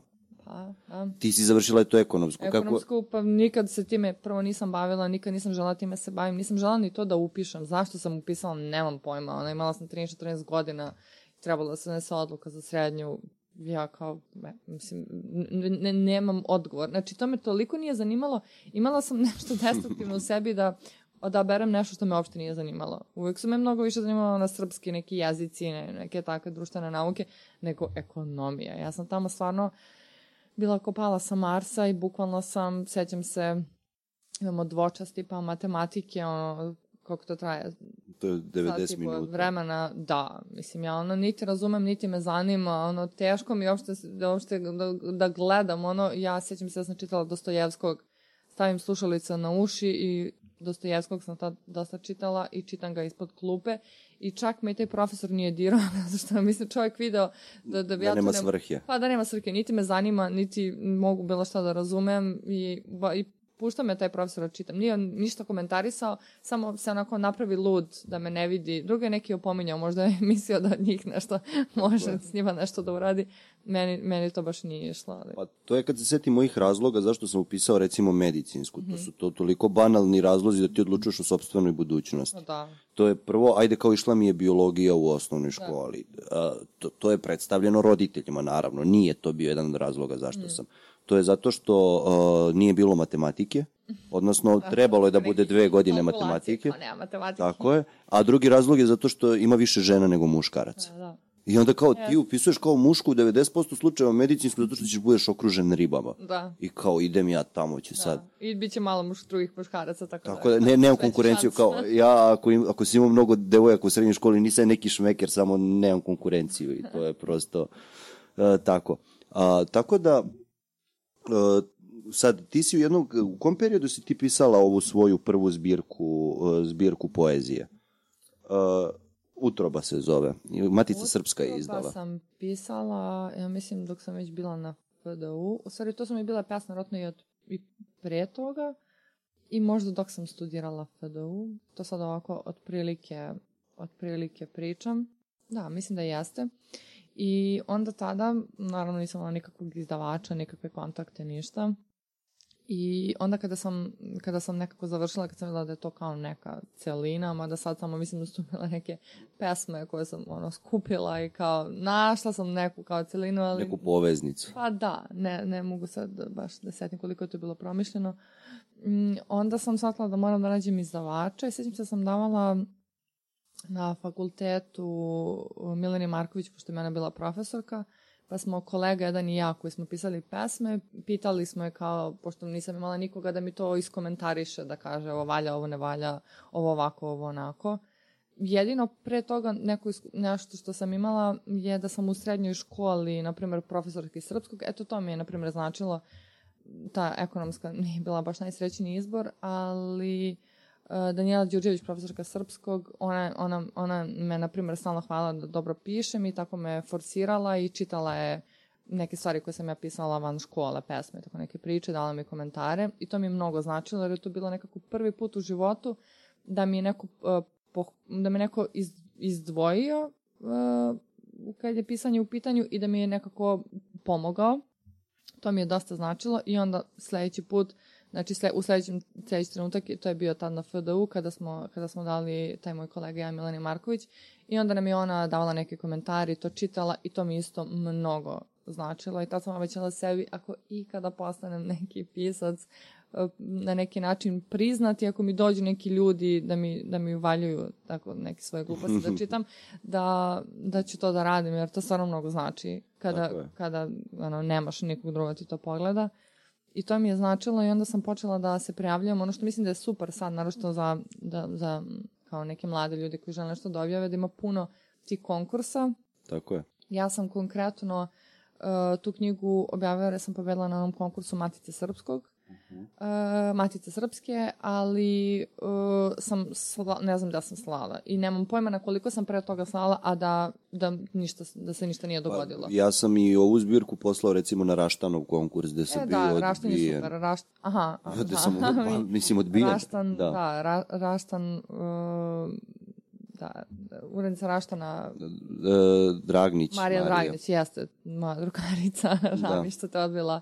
Pa nema veze, klavu okay. objavljivala, tamo smo se, da, tamo da. smo se upoznale, mislim da ona super to radi, ali ko zna za možda sledeći rukopis ti neće biti odbijen. Pa ne, ne kažem ja ništa svako... I drugo, to ni ne znači, to ne znači da, je... da je on bio loš, nego prosto ovom ako mora da se izabere jedna knjiga, Tako nekad je prosto ljudi biraju nešto što je bliže njihovom senzibilitetu ili što im se više uklapa u odnosu na druge knjige ili imaju neko ko je na neki način sličan kao ti i onda kao ne treba lično to da shvataš, iako naravno svi sve shvataš, shvatamo lično. Shvatamo sve lično i kao to ljudimo si, tužni smo. Uh, I onda sam tako tako sam tu Maticu Srpsku objavila preko toga. Onda sam i drugu knjigu isto preko konkursa, te, to sam povedala na nekom somborskom konkursu, da sam ja bukvalno, kad sam napisala prvu, a i drugu, ja sednem, otvorim internet i ja sam svakodnevno provodila neko vreme da googlam konkurse i da šaljem na njih. I ja sam bez filtera šla, slala na sve konkurse koje sam ikada videla. Ja sam odlučila da ću to šaljem dok me to neko ne objavi. I eto, tako je Ja, bilo mene i je za to mrzelo. Mene je to mrzelo. Ne, ma kakvi nije me mrzelo, meni je to bilo Ja sam nešto, ono... to je Seo to, jedan dan to. i kao našo mailove od svih izdavačkih kuća od, Aha, uh, ti si i, tako. i, i onda sam samo uzeo i poslao svima.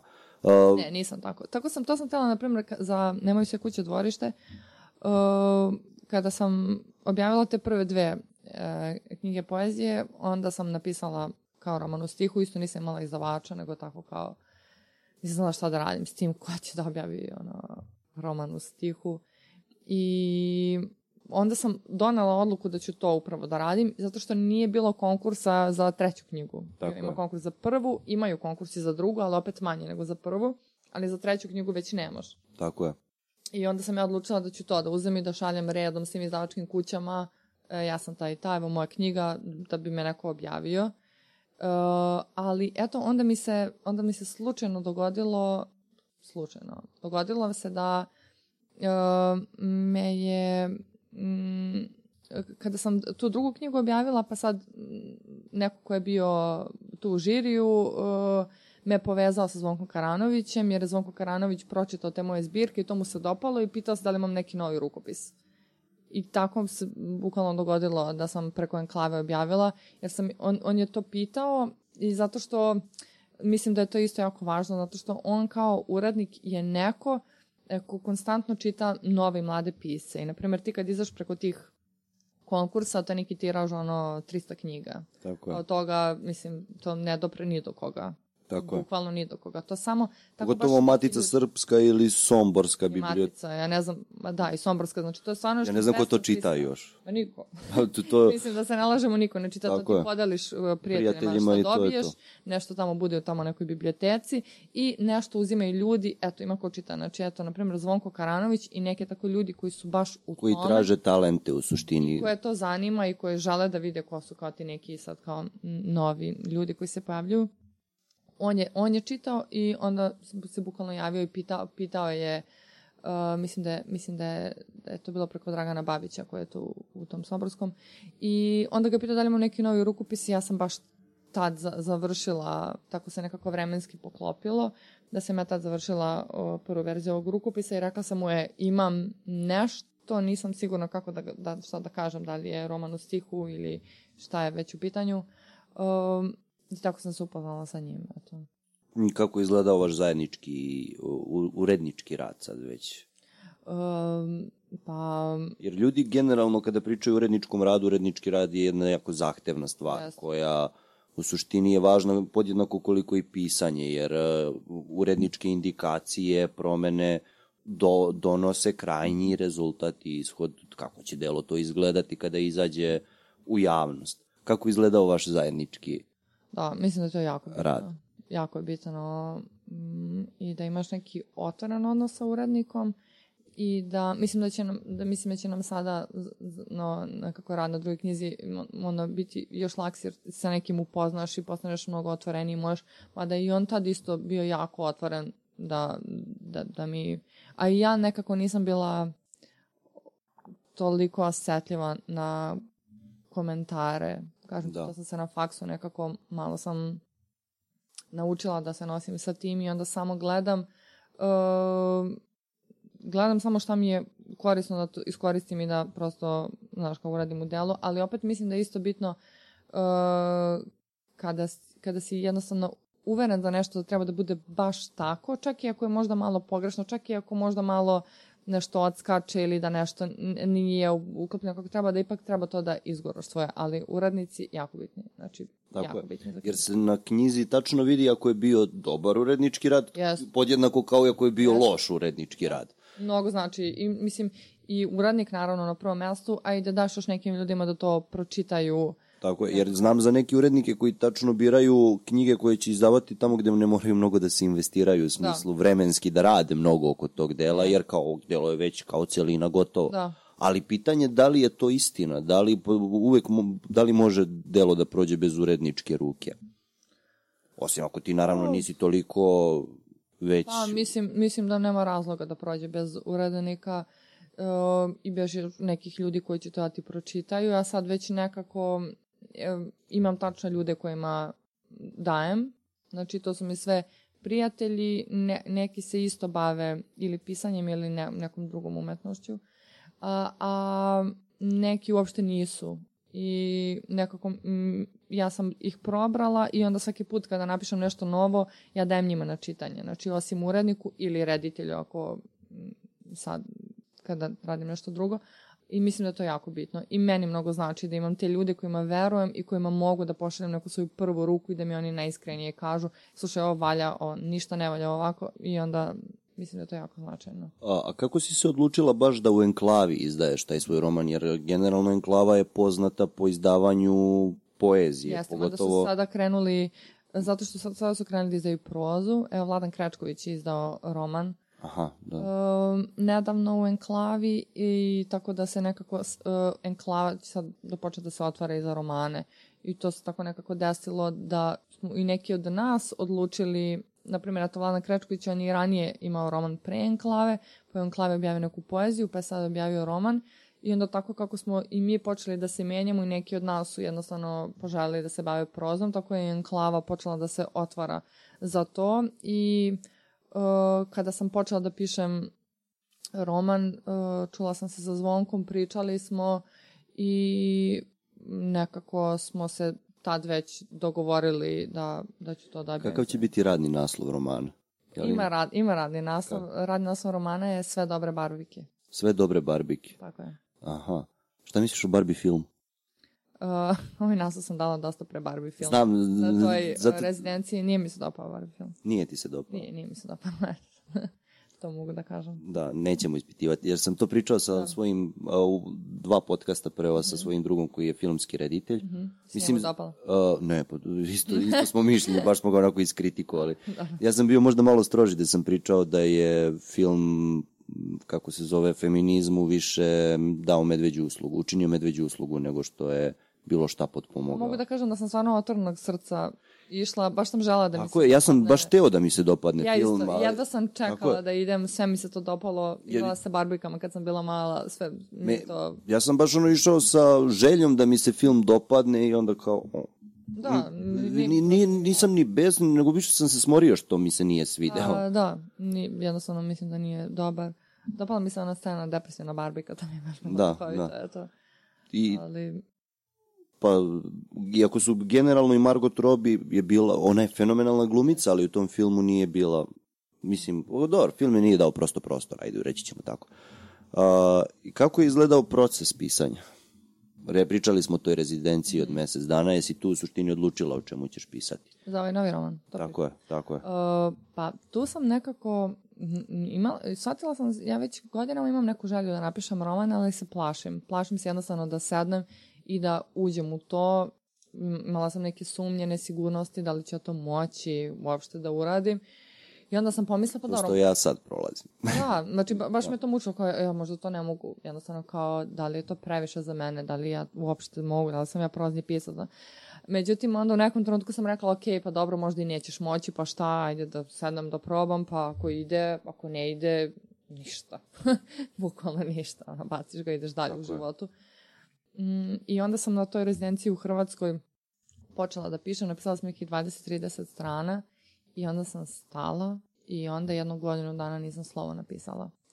I međutim, jer sam shvatila da uopšte ne, ne znam o čemu želim da pišem, šta želim, to tako nekako krenula, samo sam krenula i nešto sam se prosula onako neki početak i onda sam samo stala i shvatila o čemu ja želim da pišem. Nisam, nisam to znala i dala sam sebe vremena i tako sam neki godinu dana sam negde mislila o tome i onda svaki put kad mi neka ideja padne na pamet ja je zapišem i tako dalje i u nekom trenutku posle tih godinu dana ja sam samo sela i to je jednostavno krenulo i počelo je da se otvara. Što sam više pisala, to se više otvaralo, to sam ja više postavila svesna o čemu želim da pišem, kakva je to, opet imam glavnu junakinju kao ženski lik, kao glavni. Uh, to se nekako širilo, taj naslov koji sam dala na samom početku sam dala iz nekog uh, iz, nek, iz neke, nečeg što sam napisala uh, i međutim onda mi se jako uklopio za to zapravo čime se bavim i ostao je, ko zna, možda, možda, možda tako biti i na kraju možda i ostane.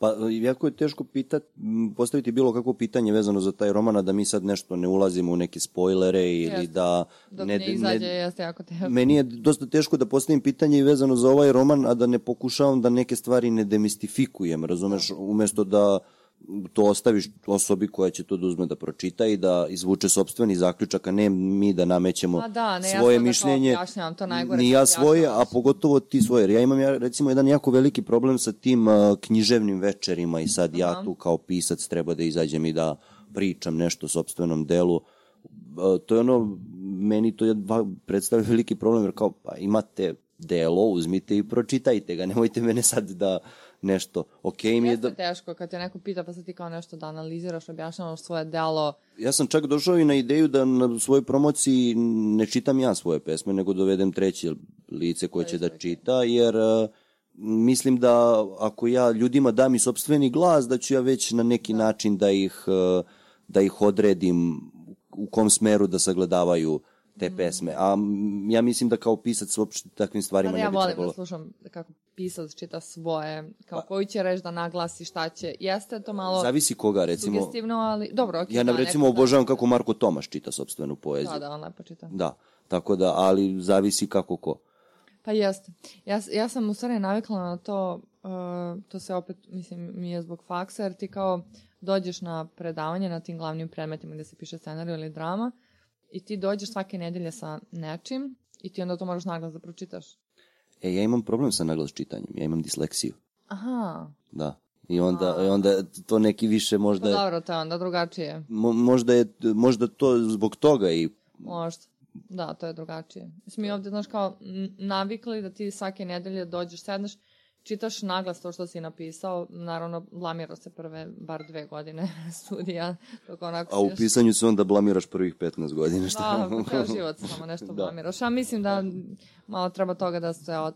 Oslobodimo u potpunost. A da, jer mislim kao okej, svi se stalno nešto blamiramo, svi stalno nešto, ne treba da budemo toliko strogi prema sebi, malo treba da se opustimo, ono, pa nije to toliko... Pa, ali kao pogotovo na početku, svaki početak je težak, ne možeš ti da Naravno. očekuješ, e, ja sam sad počeo da snimam podcast i sad ću ja da budem fenomenalan u Da, i ne roku treba čovjek sebe, sebe previše ozbiljno da doživljava, nema Tako je. potrebe za tim, ono, malo se opustiš. Pogotovo zato što ljudi, ljudi treba samo prosto shvatiti da se da niko o njima ni ne razmišlja. Nikoga ne zanima šta si ti uradio. Da. Neko će se nasmejati tome i posle 10 sekundi ćete totalno zaboraviti. Jest. Jer je svako samom sebi fokus, a ne ljudi. Jeste, I onda ti bude prosto lakše kada kreneš da se blamiraš. jeste. E sad, uh, u suštini, uh, ti taj roman, kad planiraš da ga, kad, Na proleć. na proleće, znači, izlazi. Proleće, nadam se da Dokle si sad stigla? biti okej. Do... Pa, dok sam stigla. Završena je neka prva ruka, mislim, on je završen, napisan je do kraja. Znači, sad sređivanje. Sad, au, sad je rudarski deo. Rudarski deo, ali ipak mnogo sam se bolje m, osjećala, ono, sad sam mnogo bolje osjećam kad znam da ga imam.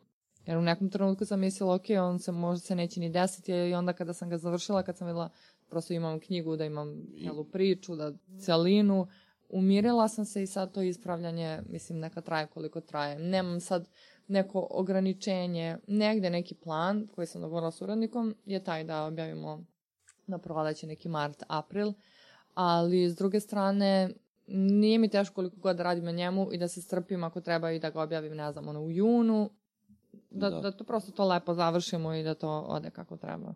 Nema potrebe da brzam, gde žurim, mislim, ono. Ono što- Iako ja imam potrebe, volao to sutra da izađe, ali Pa svi bi... Ono što sam, na primjer, primetio, rekla si godinu dana nisi takla. Da. Zašto? Koji je bio razlog što nisi... S- uh, imala sam neki strah. Jednostavno um, nisam mogla da se suočim i da sadam to da pišem. Prilike sam shvatila šta želim da pišem. Uh, nije kao da sam nisam imala ideje. Nemam dobro je, hvala Bogu, nemam, sad nisam imala neki problem da sad kao nemam ideje, da ne znam što ću pisati, imam puno ideja, ali jednostavno nekada imam strah da se suočim sa tom idejom, da se suočim sama sa sobom i da krenem da, da vadim te stvari iz sebe, da jel te, ispovratim. Tako je. Uh, I da to napišem. I to je neki strah, neka prokrastinacija, ne, neko odlaganje i nesuočavanje. I ko zna, mislim da neki ljudi provedu ceo život imajući neku ideju u strahu i ne mogu da se suoče i da jednostavno sednu i da krenu. Ti kada kreneš nešto da radiš, dalje se te stvari samo otvaraju. Nije da sam neka čekala neku inspiraciju, uopšte nije bila u tome stvar. Tako je. Nego jednostavno da, da uprkos strahu, uprkos tim nekim mislima koje imaš da možda ne pišeš dovoljno dobro, da nisi dovoljno dobar. Dakle, krenula te obsediti takve misli, samo sam ih u jednom trenutku sve sklonila i sela i pisala taj roman kao da ga niko nikad neće pročitati. To mi je bilo jako važno da budem baš Da. na neki način beskompromisna i iskrena i da onako oslobođeno to pišem, da ne kalkulišem šta će neko da pomisli, šta će neko da pročita, šta će... Ne, znači jednostavno želim najiskrenije, da sam, mislim da je to nešto baš najintimnije, najiskrenije, najdublje što sam ja mogla da dam do sada.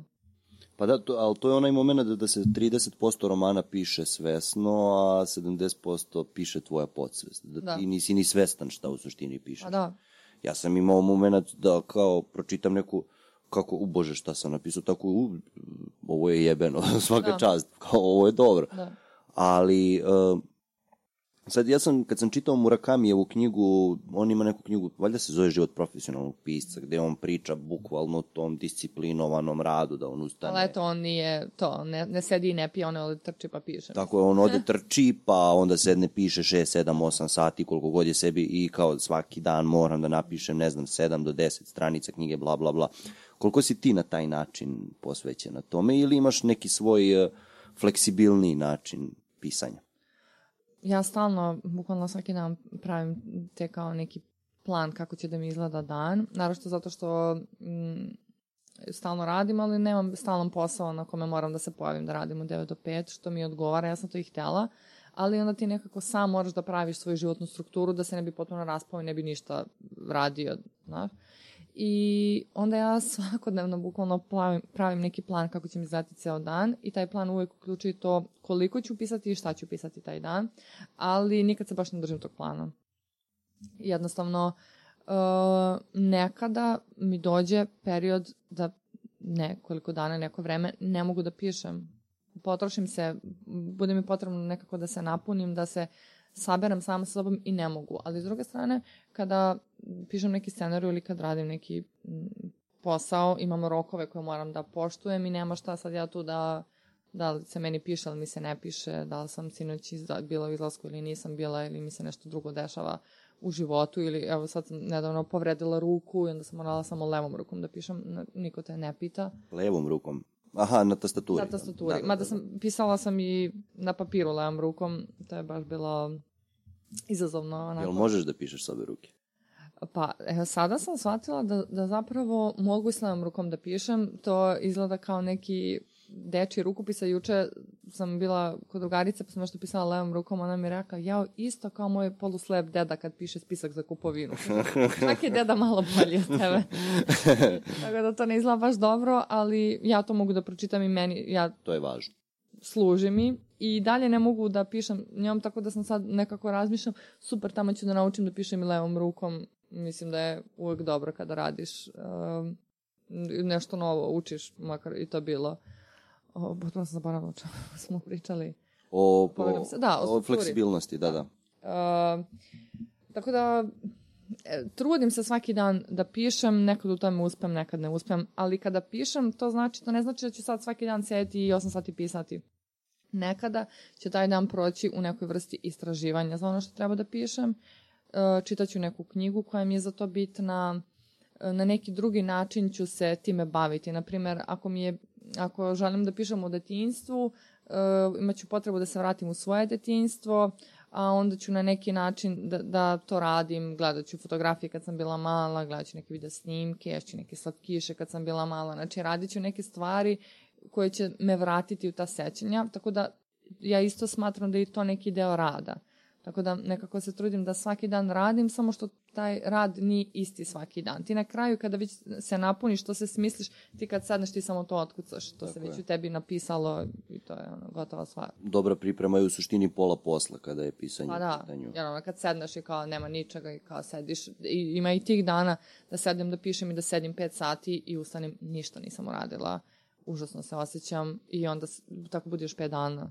Pa to je ono što je, što je recimo Karakaš pričao, kada ti se rodi ideja za pisanjem, ti moraš da je pustiš bar jedno šest meseci do godinu dana da sazri. Da se ona u tvojoj glavi mota, da ti u svojoj glavi praviš slike, jer ti ako imaš tu određenu dozu mašte, hteo, ne hteo, ti ćeš o tome razmišljati. Da, da, da, apsolutno. To ti se vrti negde. Tako ono, je, negde u podsvesti. I a, u određenom trenutku ti ćeš sam shvatiti, e sad je vreme da ja sednem i da Osjetiš pišem. da više uh, postane, ne, meni je to nekako samo osetim da mi je nepodnošljivo, da moram odmah da sednem i da to izbacim. Uhvati, me, uhvati me neko osjećanje da se to toliko napunilo meni da, da hoće ono da me, da me preplavi, da ja prosto moram da sednem i da to izbacim. Ali ono što sam u nekom trenutku počela da radim, svaki put kada mi padne na pamet neka ideja, kad vidim nešto zanimljivo, kada čujem neki zanimljiv dijalog, kada nešto, ja to zapišem. Ranije to nisam radila. Ranije kao, aj kao zapisat ću posle, kao ajde zapamtit ću i od toga nema ništa i onda mnogo nekih ideja je tako otišlo i u nekom trenutku sam donela odluku da bez obzira gde god se nalazim, šta god da radim, kada mi pade na pamet neka ideja ili kada čujem nešto zanimljivo ili kada shvatim kako bi nešto mogla da promenim ili napišem onome što radim, ja to odmah zapišem i to mi mnogo pomaže. Pišeš u, no, u telefonu ili nosiš tefterče sa sobom? Oba. Oba. Znači i u telefonu i na papirima i sve to čuvam i onda kada se malo nakupi sednem i onda kada treba nešto da radim, ja imam gomilu nekih beleški, Natuknica. ideja, nat, natuknica, da, i onda te to dalje negde odvede, ne sediš ono pred praznim papirom, nego uvijek imaš neki materijal, mislim da je to jako bitno. Da. Uh, sad, uh, ono što je meni tu zanimljivo jeste pisanje dijaloga u, u, u proznom delu. Sad ti si završila dramaturgiju i kada pišeš scenario, tebi se to apsolutno svodi samo na pisanje dijaloga, osim ako nije didaskalija u pitanju. E sad, kako, kako pišeš dijaloge, je li imaš problem sa dijalozima u, u proznom pisanju, odnosno u tom svom romanu? Jer dijalozi Ne. su ekstremno, bar za mene, jedna ekstremno teška stvar jer lako je opisivati sve to, ali je jako teško napisati dijalog, odnosno uh, razgovora da on bude prirodan, da ti ne ubacuješ neke poštapalice, da. sopstvene, da izbacuješ viškove, da ne, ne opisuješ previše, odnosno preterano određene stvari, jel, kol, koliko moraš da štrihuješ, koliko ti to prirodno nadolazi kada pišeš. Nisu mi problem dijalozi, e, u romanu nekako nije mi to nešto gde mi je što mi je bilo problematično. Ima ih, nema ih previše, uh, ali ih ima i nije mi neki problem, otkud znam valjda što se bavim time i onda nekako mm, razmišljam na taj način da mi je prirodno da, da, da pišem dijalog. To je nešto što mi je prirodno, nije, nije mi to ne znam, nije mi to nekako bio problem, to je lepo mi uživam u tome, ali ga nema ni, ni previše nekako. Znači, svela si ga na... Više se baviš introspektivnim delom. Pa da, više... Lika. Jeste. Te glavne junakinje najviše, ali onda nekada prosto dodiru s drugim ljudima, lepo je i malo i čuti kako sad pričaju ti junaci i to mi je okej, ali...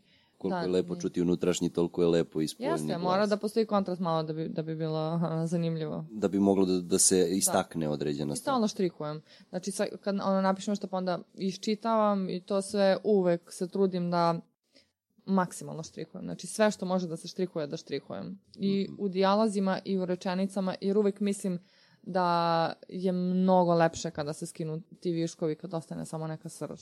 Mhm. Znači, štrih je koliko važan podjednako koliko i pisanje. tebe. Jeste. I mislim da u nekom trenutku moraš to prevađeš. Imala sam trenutke, uh, napišem, na primjer, 30-40 strana i obrišem ih. Da. Jer shvatim da je priča otišla u nekom pogrešnom smeru, da to jednostavno nije dobro. Vidim nekako sam zapela i ne može dalje. Ako ne može dalje, znači da imaš neki problem koji je nastao malo ranije, kao jel, Tako u je. sve u životu.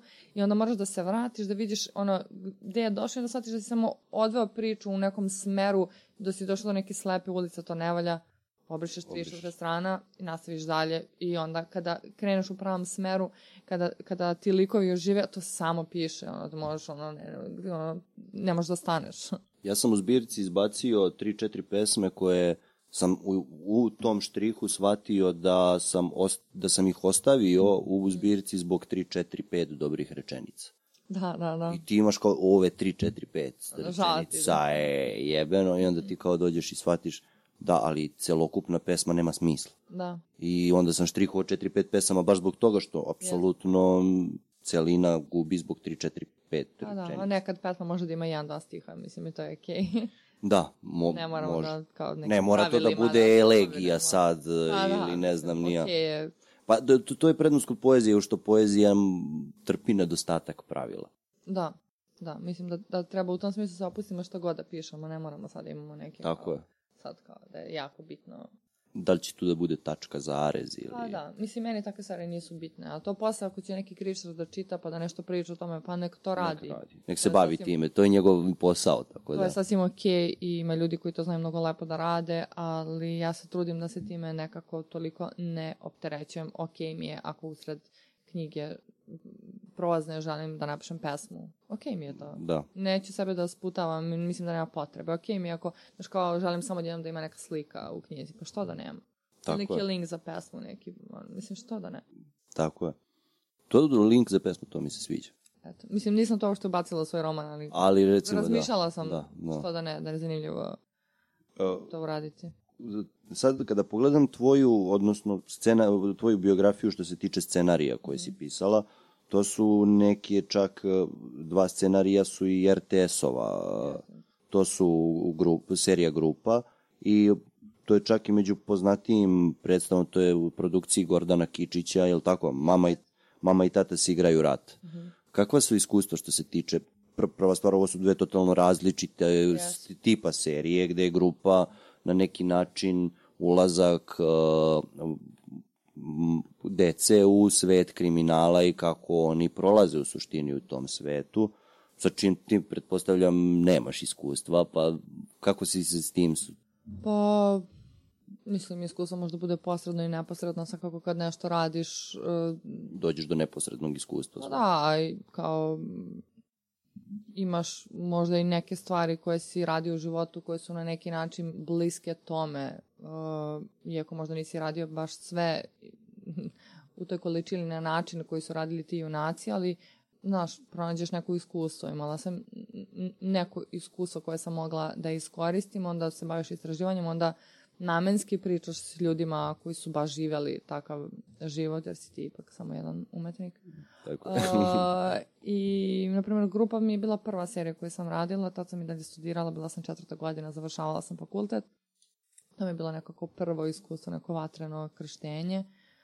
Uh, mama i tata sam posle radila dok sam već, uh, već kad je prošlo neko vreme. Radila sam osim toga još neke serije, radila sam na nekim epizodama Nečiste krvi, radila sam, bilo je tu još raznih nekih projekata na kojima sam ono baš uh, učila posle, učila zanace, ono što kao naučiš kao negde na fakultetu u teoriji, posle onako u praksi Hoćeš da vidiš kako to stvarno izgleda. Da, da, da, da. da.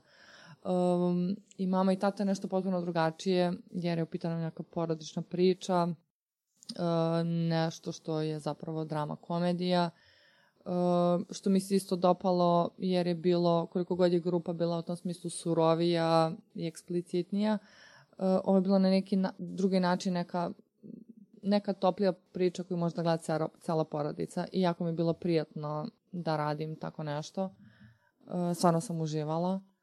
Um, onda posle Deca zla opet neka tre, treća priča, nešto što je onako kao sad kao, kao imamo glavni junak i advokat i sad kao opet ima istraživanje nekog ubistva, ali na neki drugi način, opet nešto potpuno neki novi svet uh, koji, koji mi se otvorio kad sam pročitala knjigu pa sam počela to da radim i tu je dosta i pomogao uh, Miodrag Majić pisac uh, koji sudija koji u Da. tom smislu, znači sve te scene sa advokatima, sa sudijama, sve te neke stvari, on je tu dosta pomogao da to pročita, da kaže kako je to, da mogu da mu postavim pitanja, da mislim da je to sve jako bitno. Išla sam čak, na primjer, kada sam to radila, išla sam sa uh, rediteljem, išli smo kod, uh, kod, jednog, kod jedne psihijatrice da pričamo o tom našem liku, koliko uverljivo da radi određene stvari on iz njenog ugla.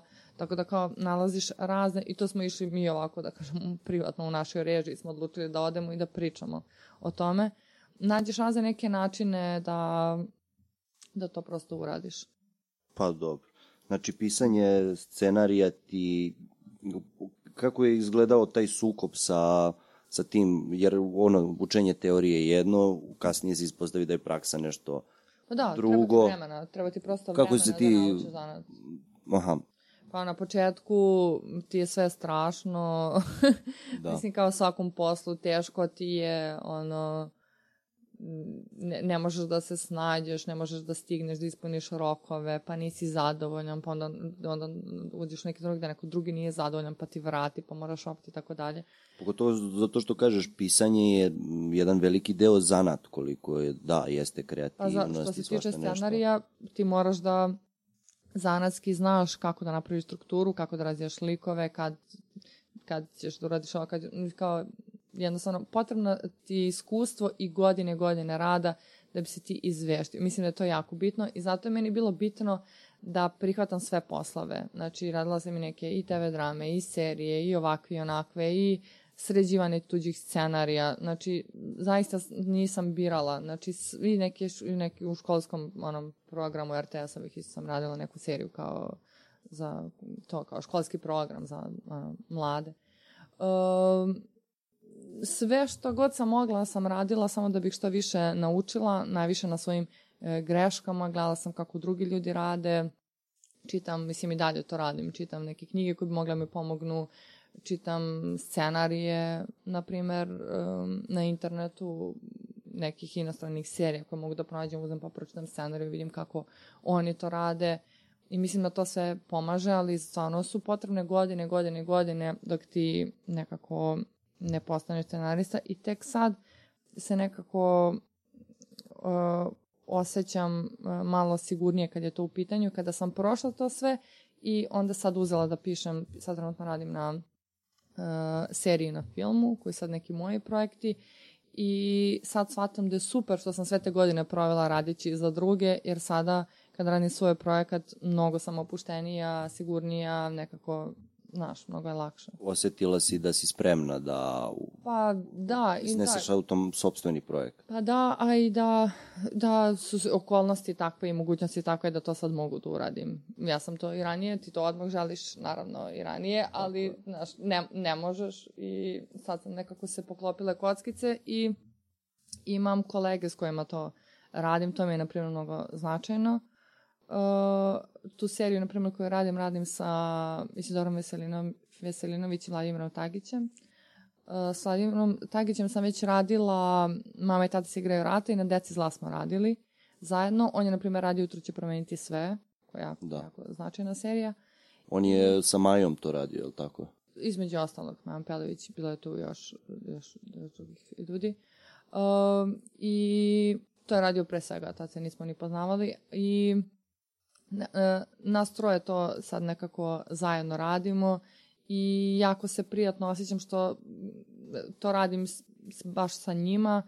E, mislim da to je jako značajno kada nađeš saradnike s kojima si prijatelj, s kojima radiš i da nekako e, i kreativno imate neko slična razmišljanja, to je jako bitno jer ne, ne možeš sve sam da radiš, mislim, Da. našto kad radiš seriju ili film, mislim. Pa mislim, evo, ja kad sam, e, se, kad sam podgledao seriju, recimo, jutro će promeniti sve i sad gledam, e, zanimalo me ko je pisao scenariju za to, i onda sam shvatio da to nije pisala samo jedna osoba, nego je to pisala velika grupa ljudi. Da, I to mi je, pošto mi imamo moje mišljenje da je trenutno, mislim, za ovo vreme, mo- jutro će promeniti sve, je jedna od značajnijih serija. jeste, jeste svakako.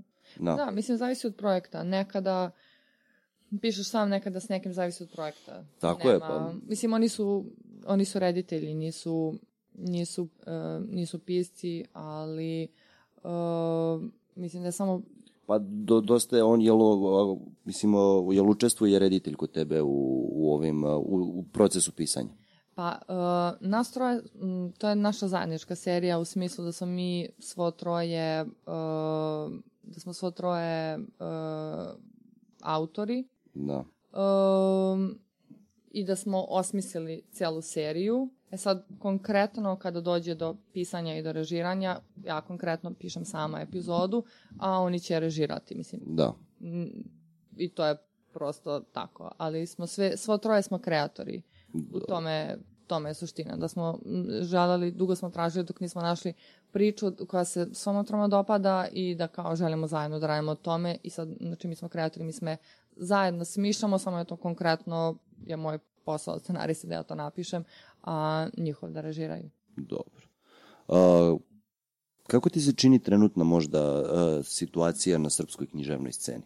Mm -hmm. Ovako, kada sagledaš celokupno sve, sve što se dešava kod nas, kako ti izgleda ona trenutno? Pa svašta tu ima. svašta tu ima.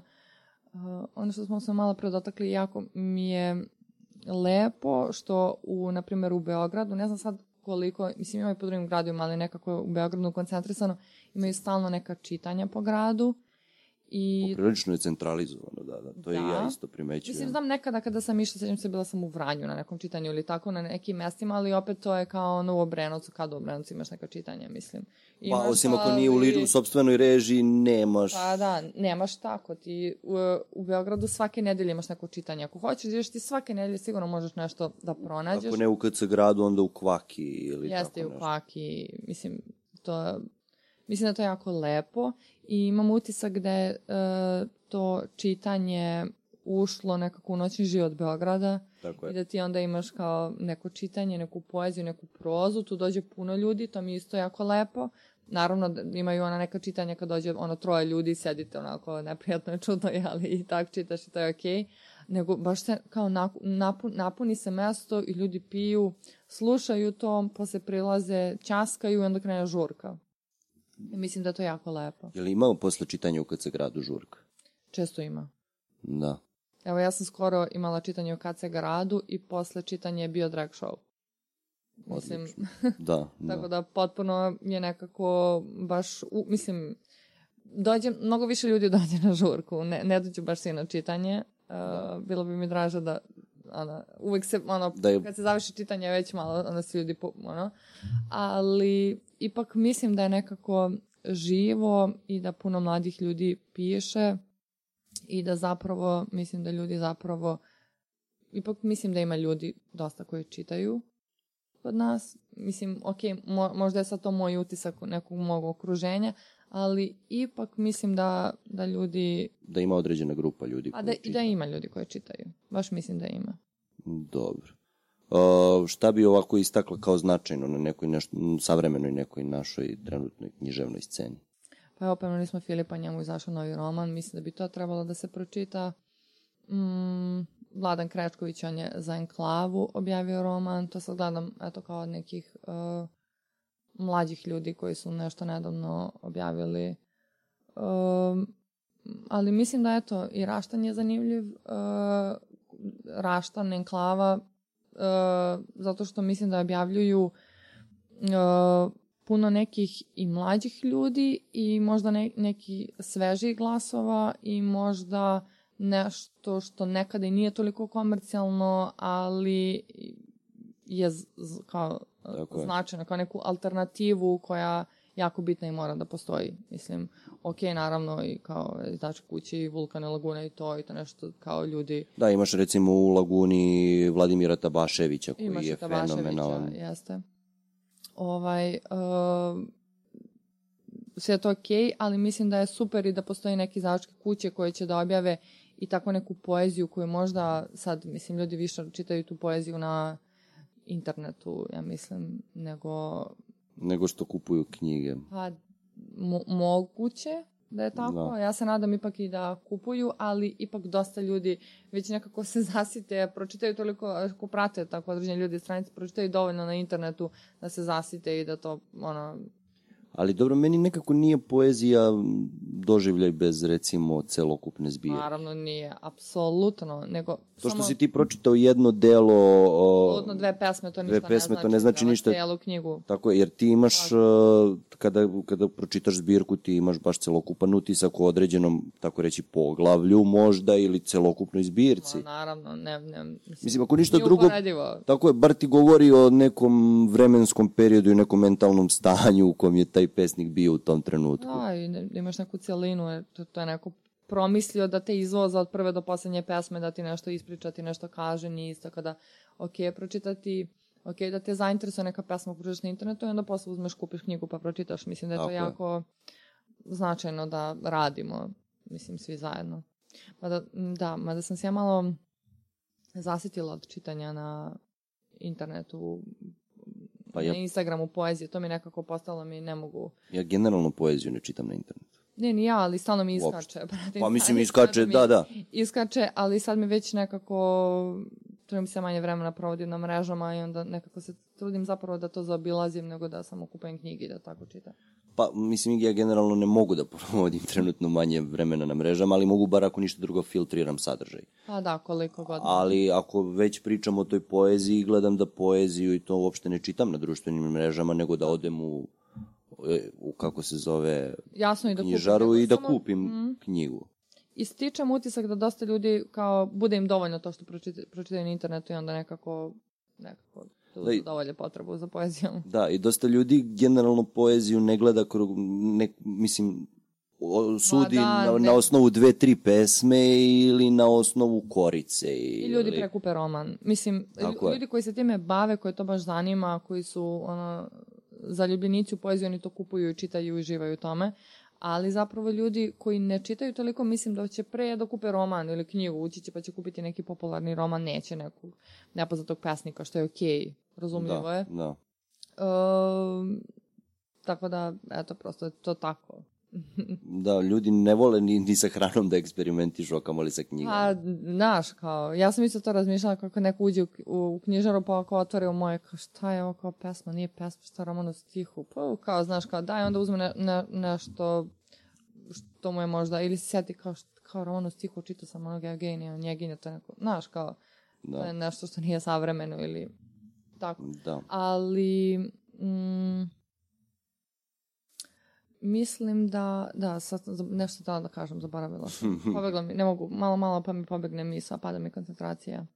Dobro. Jebika. Dobro, dešava. Dešava se. Nije ništa sporno. Pa dobro, znaš šta, uh, što se tiče uh, generalno mladih pisaca, svakako ti imaš recimo grupu ljudi kao što su, a ja kažem opet da se vratimo na Valjarevića koji šta god da napiše, to je dokazao sa ovom svojim zadnje dve knjige Frici Dobrila, da će on to prodati jer je prosto ima neku, neku, neki kredibilitet iza sebe, iako to po mom mišljenju nije baš transparentno. Um, znam, ja isto više volim neke druge njegove knjige. Tako je. Dnevnik druge zime, recimo. Ja se da, mislim da je to prva knjiga koju sam njega prošla, da mi zume naravno Komo, Komo. I, čak i uh, List na korici hleba, mislim da to možda čak i prva knjiga. Tako je. Mislim da je to čak i poezija u pitanju. Ili... E, ne, ne, ne, Nije. mislim da je njegov prvi roman. Aha, da, da. To list na korici Da. hleba, ako se ne varam. A, da, ima i Joe Frazier i druge pesme i to Tako sve. je. Ali, na primjer, on je meni mnogo značio, baš onako prvi neki sirovi roman, nešto što je samo izašlo, onda kao Komo, kao, mislim, jedan od najboljih. Ali da, ni meni Frici Dobrila ni, Nisu uopšte. da, ni, ni, da, ni meni nije. E, tako da, ali što se tiče trenutne književne scene, dešava se to da mi imamo sad e, hiperprodukciju na neki način. U, A da, Ima dosta knjiga, sad e, ne može se sve ni pročitati, naravno. Ne može čovjek da stigne da pročita ni ono što je već napisano, a kamoli ono što novo izlazi. da. Tako da, ali drago mi je što si ti na neki način deo te književne scene i jedva čekam da izađe i ta, ta knjiga ja isto verujem. i da izađu ti filmovi i serije na kojima trenutno radiš, da ova knjiga koja već postoji, Nemoj sve kuće dvorište, bude ekranizovana. Zanima me kako će to izgledati. Mislim da ima dosta prostora da to deluje dosta zanimljivo, pogotovo da će biti aktuelno za, za mlade, da. da će mladi moći u današnjem vremenu da se Da. pronađu u tome. Uh, mislim, po, bit će nešto slično, koliko slično, toliko naravno i različito, jutro će promeniti sve ako ja mogu to Da. tako da zamislim trenutno u svojoj glavi. Uh, ništa, drago mi je što si bila kod mene i što smo imali ovaj razgovor. Je za mene dosta zanimljiv, vidjet ćemo. Kako, mislim, ako nekom ne bude, šta da mu radim. A? Pa dobro, kako prođe, prošlo je u suštini, ali meni, je- ja sam uživao u ovome. Eto, okej, ja sam lepo provela ovo popodne, tako da Tako mislim da, je da, to trenutno a, kada bude izašlo, voleo bi možda i opet, i opet da porazgovaramo. Tako da, vidimo se u Može. suštini. Hvala ti, to je to.